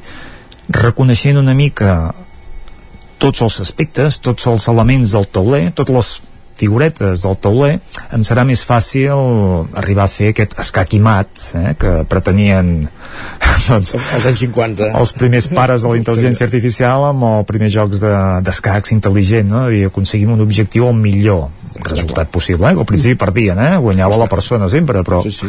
va arribar un punt que, que, que es va equilibrar molt no? a nivell d'anar perfeccionant, està clar i per tant, doncs, bueno, aquí tenim una nova eina que posem a disposició, si més no, doncs, saber que existeix per qui ho vulgui i es diu Soar. Gràcies, Soar. Jordi. A vosaltres. Per de 15 dies. Igualment. Avancem al territori 17 perquè tot seguit parlem de llibres. Anem cap al Lletra Ferits.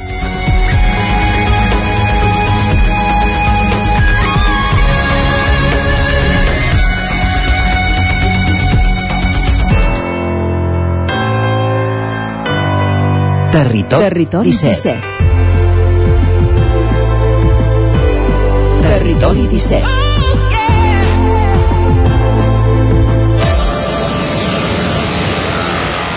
Sí, 30 mm, segons que passen de 3 quarts d'11 del matí. I és hora d'anar cap a la veu de Sant Joan perquè allà ens hi espera avui l'Isaac Muntades amb una nova aportació al Lletra Ferits. Isaac, benvingut, bon dia.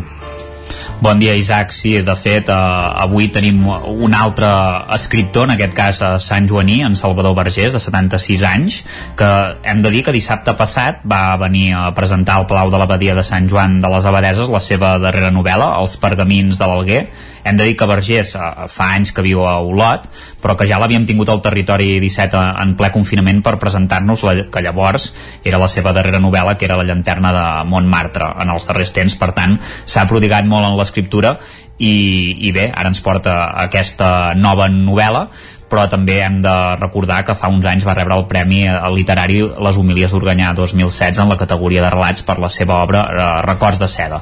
Però avui, com dèiem, parlem de la seva darrera novel·la, Els pergamins de l'Alguer, i sense més dilació eh, el saludem. Bon dia, Salvador, i moltes gràcies per ser avui al Territori 17 amb nosaltres. Hola, bon dia.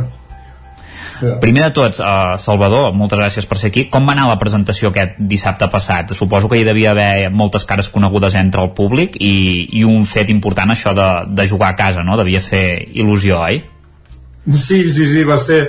A mi tornar a casa em fa molta il·lusió sempre perquè estic acostumat a les presentacions que coneixes molt poques persones i en allà doncs, encara doncs, hi ha molts amics de la infància, parents, coneguts, cosins, eh, potser més pressió però em feia molt, molta il·lusió estar allà el, i va, va agradar molt vull dir, perquè i, i el presentador doncs, en Josep Carriga que aquí a Sant Joan el coneixeu doncs, va estar molt bé, inclús com que ara parlava d'intel·ligència artificial doncs va començar dient Salvador Vergés és un dels escriptors millors de Viena Edicions segell va, va, va llegir aquestes paraules segell d'enciclopèdia catalana, el que ha traduït més vegades els seus llibres a la llengua l'alemany i després l'anglès i no sé quantes més.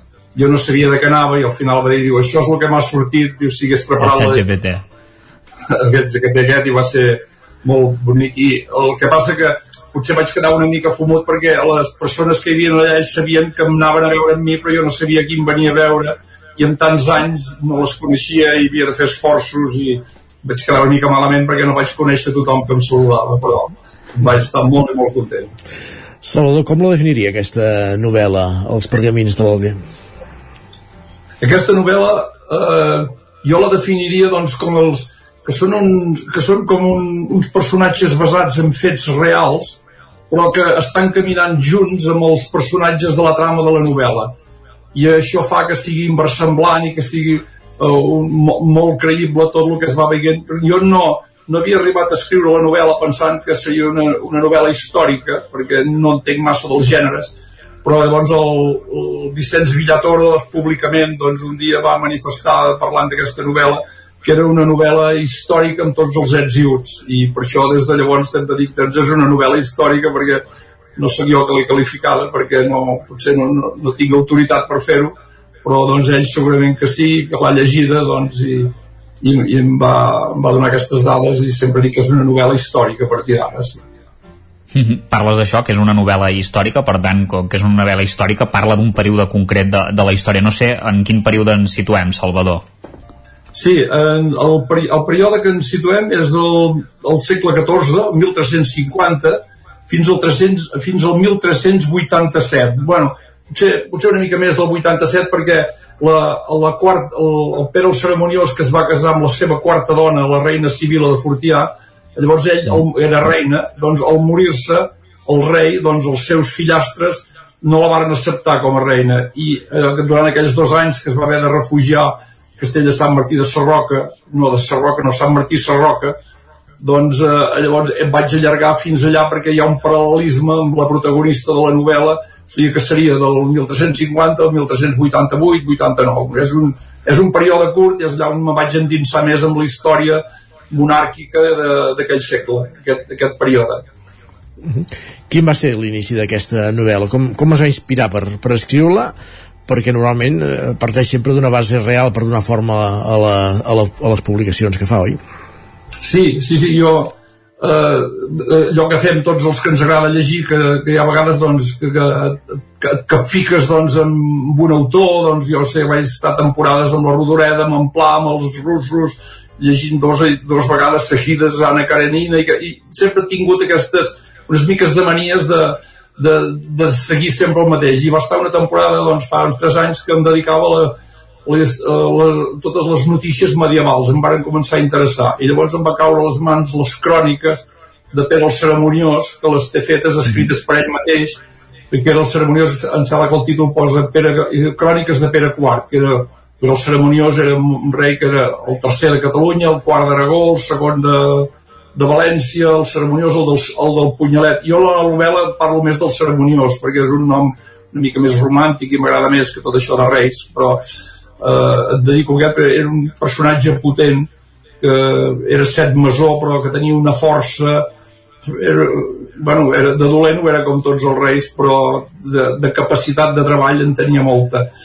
I doncs llegint aquestes històries doncs vaig donar-me compte que ell doncs, eh, via, o sigui que el 1353 es va conquistar l'Alguer però eh, llavors el, durant aquell any la guarnició que hi va deixar doncs, el, el, els Alboreda d'allà doncs, els, tots els que hi havia, que estaven en contra dels que, que havien guanyat la guerra doncs, els van liquidar tots. I ell doncs, per orgull va fer una flota, va muntar una flota que es va reunir a l'abadia de Roses. I jo quan vaig llegir que es havien reunit a l'abadia de Roses doncs uns quatre, segons ell uns 400 vaixells entre 100 galeres i els, les ferides que portaven els cavalls i les, i totes les, les, les barques petites, les barques rodones i les galeres grans, les mercants perquè va implicar tothom ell aquella època.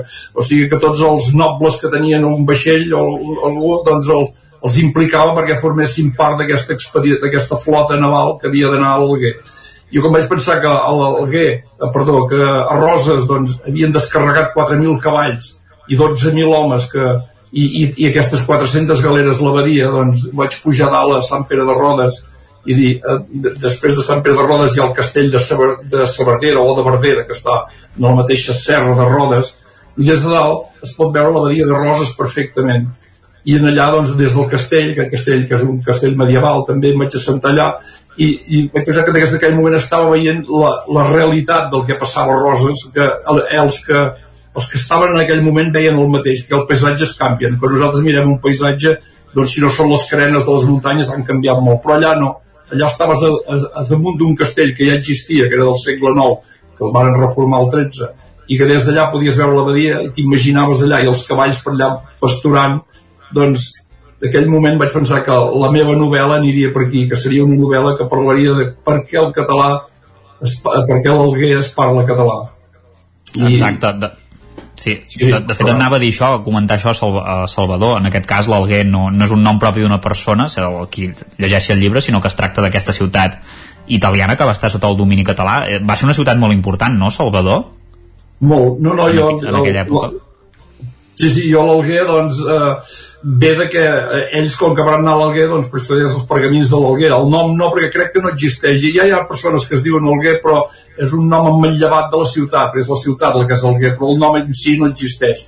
I jo, doncs, vaig posar l'Alguer perquè era el que més m'interessava, perquè ells amb els vaixells van començar a sortir de Roses i en línia en, van començar a fer aquesta expedició de tota la flota fins a l'Alguer per reconquistar-lo que, que al final, eh, si anem a mirar, potser la conquesta que van fer va ser molt petita, perquè eh, es pensaven conquerir Sardenya i van tornar aquí amb la ciutat de l'Alguer. És com si algú hagués volgut conquerir Catalunya i hagués marxat en Figueres, una cosa així aproximadament. I, però ells, esclar, en sabien com ara, doncs que tot és com les eleccions, que tothom ha guanyat. Doncs ell també, com va tornar, aquí ha guanyat també. I, i va fer molta propaganda del que tenia, però en realitat era poca cosa. Però de, de, és que és molt llarg d'explicar tot això, però l'Alguer, esclar, va eliminar tothom ell. Quan el petit trosset que va guanyar, que va ser la ciutat de l'Alguer, va eliminar tothom, els va treure, alguns van anar a Mallorca d'esclaus i els altres van fugir i no va quedar ni un. Esclar, des d'aquell dia va començar a deixar la guarnició i a fer i a arribar al repoblament, que és el que em va interessar per la novel·la, que és el repoblament que venia de les terres de, de, de, de Tarragona i sobretot de Vilafranca del Penedès, alguns d'Aragó, i eren, eren presos, pre, alguns com que no hi volia anar tothom, a vegades eren commutacions de presos, menys els que havien falsificat monedes, curiosament, però els de més els hi donaven una casa i un bou i, i començaven a l'Alguer parlant català i es va parlar català des del 1355 es va començar i actualment encara. Encara, es parla, encara, encara s'hi parla. La novel·la narra viatges pel, pel mar però no és el seu hàbitat preferit aquest em sembla, no no, no, no és el meu hàbit preferit. I m'hauria de, de disculpar. Llegiré aquí la primera pàgina ja que em fas la pregunta. Diu seguint la ruta de les galeres dels repobladors en aquesta novel·la l'autor navega vela fins a Sardenya. Doncs aquí em disculpo perquè algú pot pensar que sóc un llop de mar i que jo vaig agafar un valer i que me'n vaig anar a, a l'Alguer. Doncs no, jo hi vaig anar-hi, tot és veritat però mi van portar, mi van portar els meus fills perquè jo no, sóc incapaç, sóc una persona que quan que quan l'aigua m'arriba als genolls perdo l'alè. Inclús m'agrada més dutxar-me que no pas banyar-me a, a la banyera, perquè no, no, és el, no és el meu fort, i, però hi vaig anar-hi com de paquet i, i bueno, estic encantat d'haver-ho fet, però perquè és un, es va molt, són 50 hores de viatge, tant d'anada com de tornada.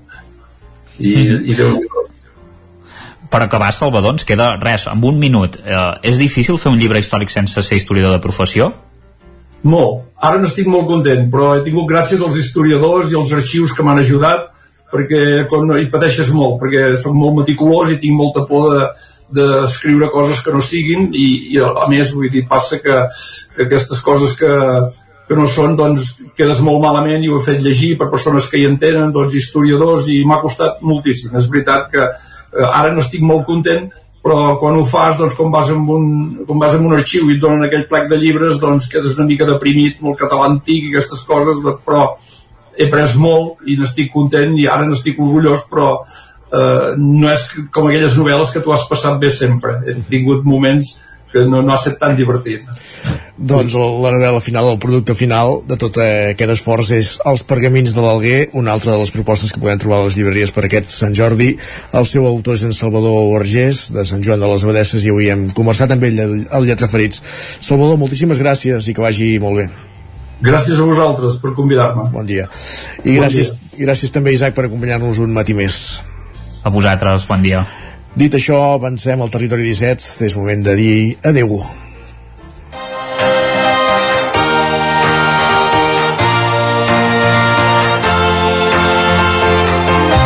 Al Territori 17, aquest magazín que us acompanya des de les 9 del matí, que hem arrencat fa dues hores i que arriba ara a la seva fi. Ens hi hem posat, com dèiem, a les 9 i des d'aquella hora us hi hem acompanyat en Roger Rams, en Pol Grau, en Pep Acosta, en Jordi Givert, Guillem Sánchez, Jordi Soler, Isaac Muntades, Sergi Vives i Isaac Moreno. I tornarem demà, serà a partir de la mateixa hora, a partir de les 9 del matí fins a les hores. Gràcies per ser-hi i molt bon dimecres. Adéu-siau.